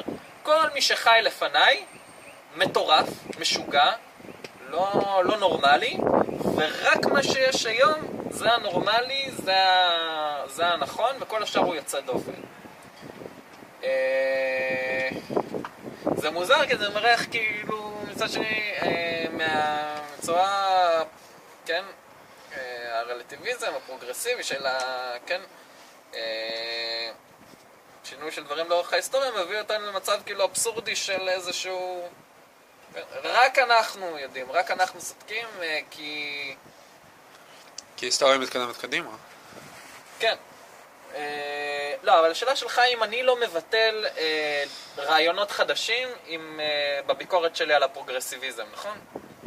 אז אה, לא בדיוק. אני פשוט חושב שכן, לאורך ההיסטוריה, מה שקורה, כן, דברים נהיים יותר... אה, יותר ברורים, יותר מדויקים, יותר אינטרדיסציפלינריים. אה, אבל אני חושב שהשינוי שהם מדברים עליו הוא כל כך רופף, עד כדי כך שהגענו למצב שזכות התנתקה מרעיון החובה שלה, והיא תופפה והפכה לגולם שקם על אה, אנחנו מקבלים פתאום תופעות כמו אקטיביזם שיפוטי גם, שהפרשנות היא כל כך רופפת, המאפשרת איזשהו כוח די דיק- דיקטטורי לקבוצה של אליטה, אה, אני חושב שזה, ש, שיש משהו די חכם ברעיון הזה שיש איזה שהם עקרונות אובייקטיביים שכולנו יכולים להסכים עליהם, שאם נשמור עליהם, אז באמת אה, דברים יסתדרו, וזה, וזאת אומרת, זה גם משהו שהוא די אינטואטיבי, זאת אומרת, ברמה הזאת של... אה, אני יודע ש, ש, שרכב בשביל לנהוג, מה לעשות, צריך נצרה. עכשיו, אני לא יודע מה זה נצרה, מה אמרתי כרגע, אבל בוא נגיד, רכב חייב איזשהו, לא יודע, את הדבר הזה שנקרא נצרה בשביל לנסוע, בשביל להדליק את הדלת. זאת אומרת, זה משהו, אוטו בלי, אני לא יכול להתניע. אתה אולי תבוא ותגיד לי אה, שאני מבטל את האפשרות של אה, מכוניות של, אה, לא יודע, של טסלה או משהו כזה, כי אני לא מסוגל לחשוב על, על אוטו בלי, ה, בלי היסודות ש... לא יודע, שהזכרנו. אבל אנחנו כן יכולים להסכים על דברים אובייקטיביים, כמו לשרוף בן אדם ב-5,000 מעלות, זה לא נעים, לא. כן, זה לא נעים, לא. זה רעיון זאת אובייקטיבי. אומרת, האופן שבו כן, אתה מסיק את המסקנות, זה כן, יותר העניין פה. איך אתה מגיע למסקנה שעבדות זה משהו לא טוב? זה רעיון אובייקטיבי שאני חושב שהוא מעבר להיסטוריה. זאת אומרת שהוא... אה, שהוא על-היסטורי. אה, ושוב, ברגע שאתה שם את, את הכל בקונטקסט ההיסטורי כמו של הגנוסי, זה לא אומר ש, שהמהויות הן קבועות במובן שעכשיו הבנו אותן בצורה הברורה ביותר. אה, ו- אנחנו כן נוכל לחדד אותם יותר, אה, או לה- או להבין אותם יותר לעומק, אבל הפרשנות ההיסטורית כן מגיעה לזה אה, ממקום שאני חושב שהפרשנות של המונחים, תראה מה קרה למונח ליברל למשל. היפוך של 180 מעלות. אתה מבין מה אני אומר? כן. אה, אגב, מה- כמו שהגנוסטים עשו, השתמשו בייצוגים של ישו ומריה לה- להגיד דברים הפוכים. זה כמו לגבי עבדות, אה, אתה יכול להגיע למסקנה רציונלית שעבדות זה לא מוסרי, לא כלכלי, שזה משהו רע, או משהו שאנחנו רוצים להימנע ממנו, ואתה יכול להסתכל על זה גם במונח של יחסי כוחות, ולשמור את זה עד היום, ולעשות כל מיני אפליות מתקנות, ולהגיע למצב שכן, הייתה עבדות אז, והיום כבר אין, אבל עדיין האבות שלהם הגיעו, ו... אז פתאום אה, אנשים מקבלים... אה, או עכשיו אני יכול לך בקיצור, יש לזה השפעות פוליטיות. המונח של עבדות הוא עמוק יותר, זה לא רק עבדות שאתה משועבד לבן אדם אחר. אתה לא יודע את זה, אבל אתה ברגע זה משועבד גם כן... אה, תרבות הצריכה. אה, כן, אה, לתרבות- לקוקה קולה. כן, אתה משועבד אתה- אתה לא יודע את זה, אבל בתפיסה אורגנית של בהינתן, כן, לקחת בחשבון את כל המארג הפוליטי שבו אתה חי, אז כן, אתה משועבד לבנקים ולקוקה קולה. כל אה, השיחה הזאת שנייה שבקש. אה? שלושה סמלים של בנקים. כל ההרצאה הזאת מסביב שלושה סמלים של בנקים. כן. חשוב לציין זה. הם יושבים שם עם... אה, הם מסתכלים עלינו. אה, רגע, היה לי איזה משהו ממש ממש חשוב על... אה, טוב, אז בואו נסיים את ההרצאה במשהו. כן, כן. במשהו ממש ממש חשוב. אה, אה, רלטיביזם? או- לא, גם על זה כבר עברתי. אה, יש עוד איזה משהו נורא קקי או מושיט שמציק לכם, שאתם רוצים לדעת אם הוא פגני או לא? כאילו, אני טוב בדברים האלה, אני רק עושה את זה עשר שנים. אה, צדק לפי דעתי, נגעת באקטיביזם שיפוטי, לפי דעתי צדק, כל מה שקשור לצדק הוא עיוור, שהיום צדק הוא כבר לא עיוור, שהיום זה כבר צדק חברתי, זה מאוד מעניין. הצדק נהיה צדק חברתי, כי כמו שהגל אומר, כל הערך שבך כאדם והחירות שלך וכל מה שאתה מקבל, הוא אה, אה, תוצר אורגני, כן? הוא תוצר אורגני של המדינה, של החברה, של התרבות, ולא משהו ש... שלך בזכות עצמך. אה, אני אסיים באיזה משהו קטן ונחמד, כן? אה, הרעיון הזה של מאבק בין כאילו אנשים שמאמינים בשתי רשויות של העולם הזה והעולם הבא, ולדחות את העולם הזה בעבור העולם הבא, אה, אה, אה, ושאי אפשר לדעת שום דבר מה- מהעולם הזה, אלא מאיזו אינטואיציה לגבי איך שאנחנו מתקדמים לעולם הבא, לעומת הגישה שאומרת יש רק את העולם הזה, יש רק אור, יש רק חום, יש רק קול, וחושך זה היעדר אור, והעולם הבא זה לא קיים, זאת אומרת, יש רק את העולם הזה והעולם הזה טוב, והוא ודאי ואפשר ללמוד ממנו, הוא מגולם בתלמוד אה, על ההבדל בין, אה, כן, אה, אנשים כמו רבי עקיבא, תנאים, לבין אנשים שהם היו אגנוסטים, שייצגו את הגנוסטים, אלישע בן אבויה. וההבדל ביניהם היה שרבי עקיבא התחיל מהתחתית, התחיל כאיזה רסקל, איזה בריון, מגיל 40 רק, התחיל ללמוד את התורה, לאט לאט, לאט עד שהוא נהיה צדיק. אלישע בן אבויה, האגנוסטי, עשה בדיוק את הכיוון ההפוך. הוא התחיל מהכי גבוה, נהיה הכי הכי הכי צדיק, ואז נהיה כאילו הכי מניאק, הכי דפוק, זה עד שהוא בא כאילו לזמ... כאילו... להטעות תינוקות בבתי מדרשאות, שזה כאילו... הוא עושה כאלה דברים, אה? והרעיון אה, בעצם להראות זה שהשיטת אה, חשיבה שלהם הולכת אחורה, כן, על ההבדל, אה, ההבדל הזה בין שניהם, בין אגנוסטים לבין, בוא נאמר, תנאים, בין אה, פילוסופיה גרמנית לפילוסופיה בריטית שמאמינה כן באמנה, כן בשימוש בהיגיון, כן בעולם אובייקטיבי. אה, זה מגיע מהתפיסה של איך אתה תופס מהויות. האם מהויות זה משהו שאתה יכול לתפוס אינטואטיבית אה, ב, אה, בקשר בלתי אמצעי, ואז לבוא לעולם האשלייתי ולראות את כל הריבוי האשלייתי של אותה מהות, למשל המהות של צדק, ואז לזהות בעולם את כל הדרכים שבה מתבטא צדק, כי אתה אינטואיטיבית התחברת למהות של הצדק. כלומר, התחלת מלמעלה מהמהות וירדת למטה, גנוסטי, כן, מאמין בשתי עולמות, או שאתה, כמו רבי עקיבא, בא ו... אה, כן, כדי, בואו בוא לא ניקח רגע, לפני שניקח אה, צדק, ניקח למשל כיסא, כן, התחברת למהות של כיסא, ואז תזהה את כל דבר, כיסא לא משנה איך תכין, גם תכין לי כיסא מגפרורים, אני אזהה לפי המהות, שהגעתי מלמעלה מהמהות, אמרת שזה כיסא, או שאתה הולך לפי השיטה, רבי עקיבא, אריסטו, אה, נומנליזם, יש רק אובייקטים, כלומר, איך אתה לומד על המהות של הכיסא, על המהות של צדק, על המהות של המידה הטובה. אה, אתה בא, אתה רואה כיסא אחד, אתה רואה עוד כיסא, אובייקטים בודדים הם מה שאמיתיים, המהויות האלה, הכללים, שאפלטון אמר הם אמיתיים והעולם הזה שלייתי, אומרים לא, מלמטה, האובייקטים, הכיסא הזה אמיתי, הכיסא הספציפית הזה אמיתי, הכיסא הוא שם ספציפית. אני לאט לאט אני מתחיל ללמוד ולהבין איזשהו כלל מהותי לגבי כל הכיסאות, לגבי צדק, לגבי המידה הטובה. מתחיל מלמטה ועולה למעלה כמו רבי עקיבא, או כמו אלישע בן נבוי האגנוסטי, מתחיל מלמעלה ומתחיל ליפול, ליפול, ליפול, ליפול, ליפול, ליפול. היה עוד איזה משהו קטן כן, ככה נחמד מה ההומוסקסואליות? ערכי משפחה? הומוסקסואל ערכי המשפחה זה גם נורא חזק בפרוגרסיביזם, אז כמו שאמרתי, גם אגנוסטים וגם, כן, אפלטון אה, דיברו על אה, אה, הפסקת הגרעין המשפחי, מיסוס הגרעין המשפחתי.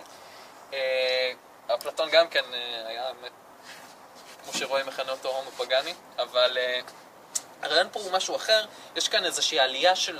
אה, בוא נאמר, בוא נסתכל על זה מכיוון ליברלי, מה, מה, מה, מה, מה, מצ... מה מציג פה ברעיון הפרוגרסיבי הזה של הקידום כביכול של זכויות של חד מיניים, אוקיי? אה, הרי אם המדינה לא נותנת הטבות לא לזה ולא לזה, זה לא משנה לנו, ולא אכפת לנו. אבל יש כאן איזשהו שיפט נורא מחוכם שהם עושים בין זכויות אה, אה, שליליות לחיוביות, בין מה שאמריקה הושתתה עליה לבין השינוי שהפרוגרסיבים והפילוסופיה הגרמנית מעבירה את ארצות הברית.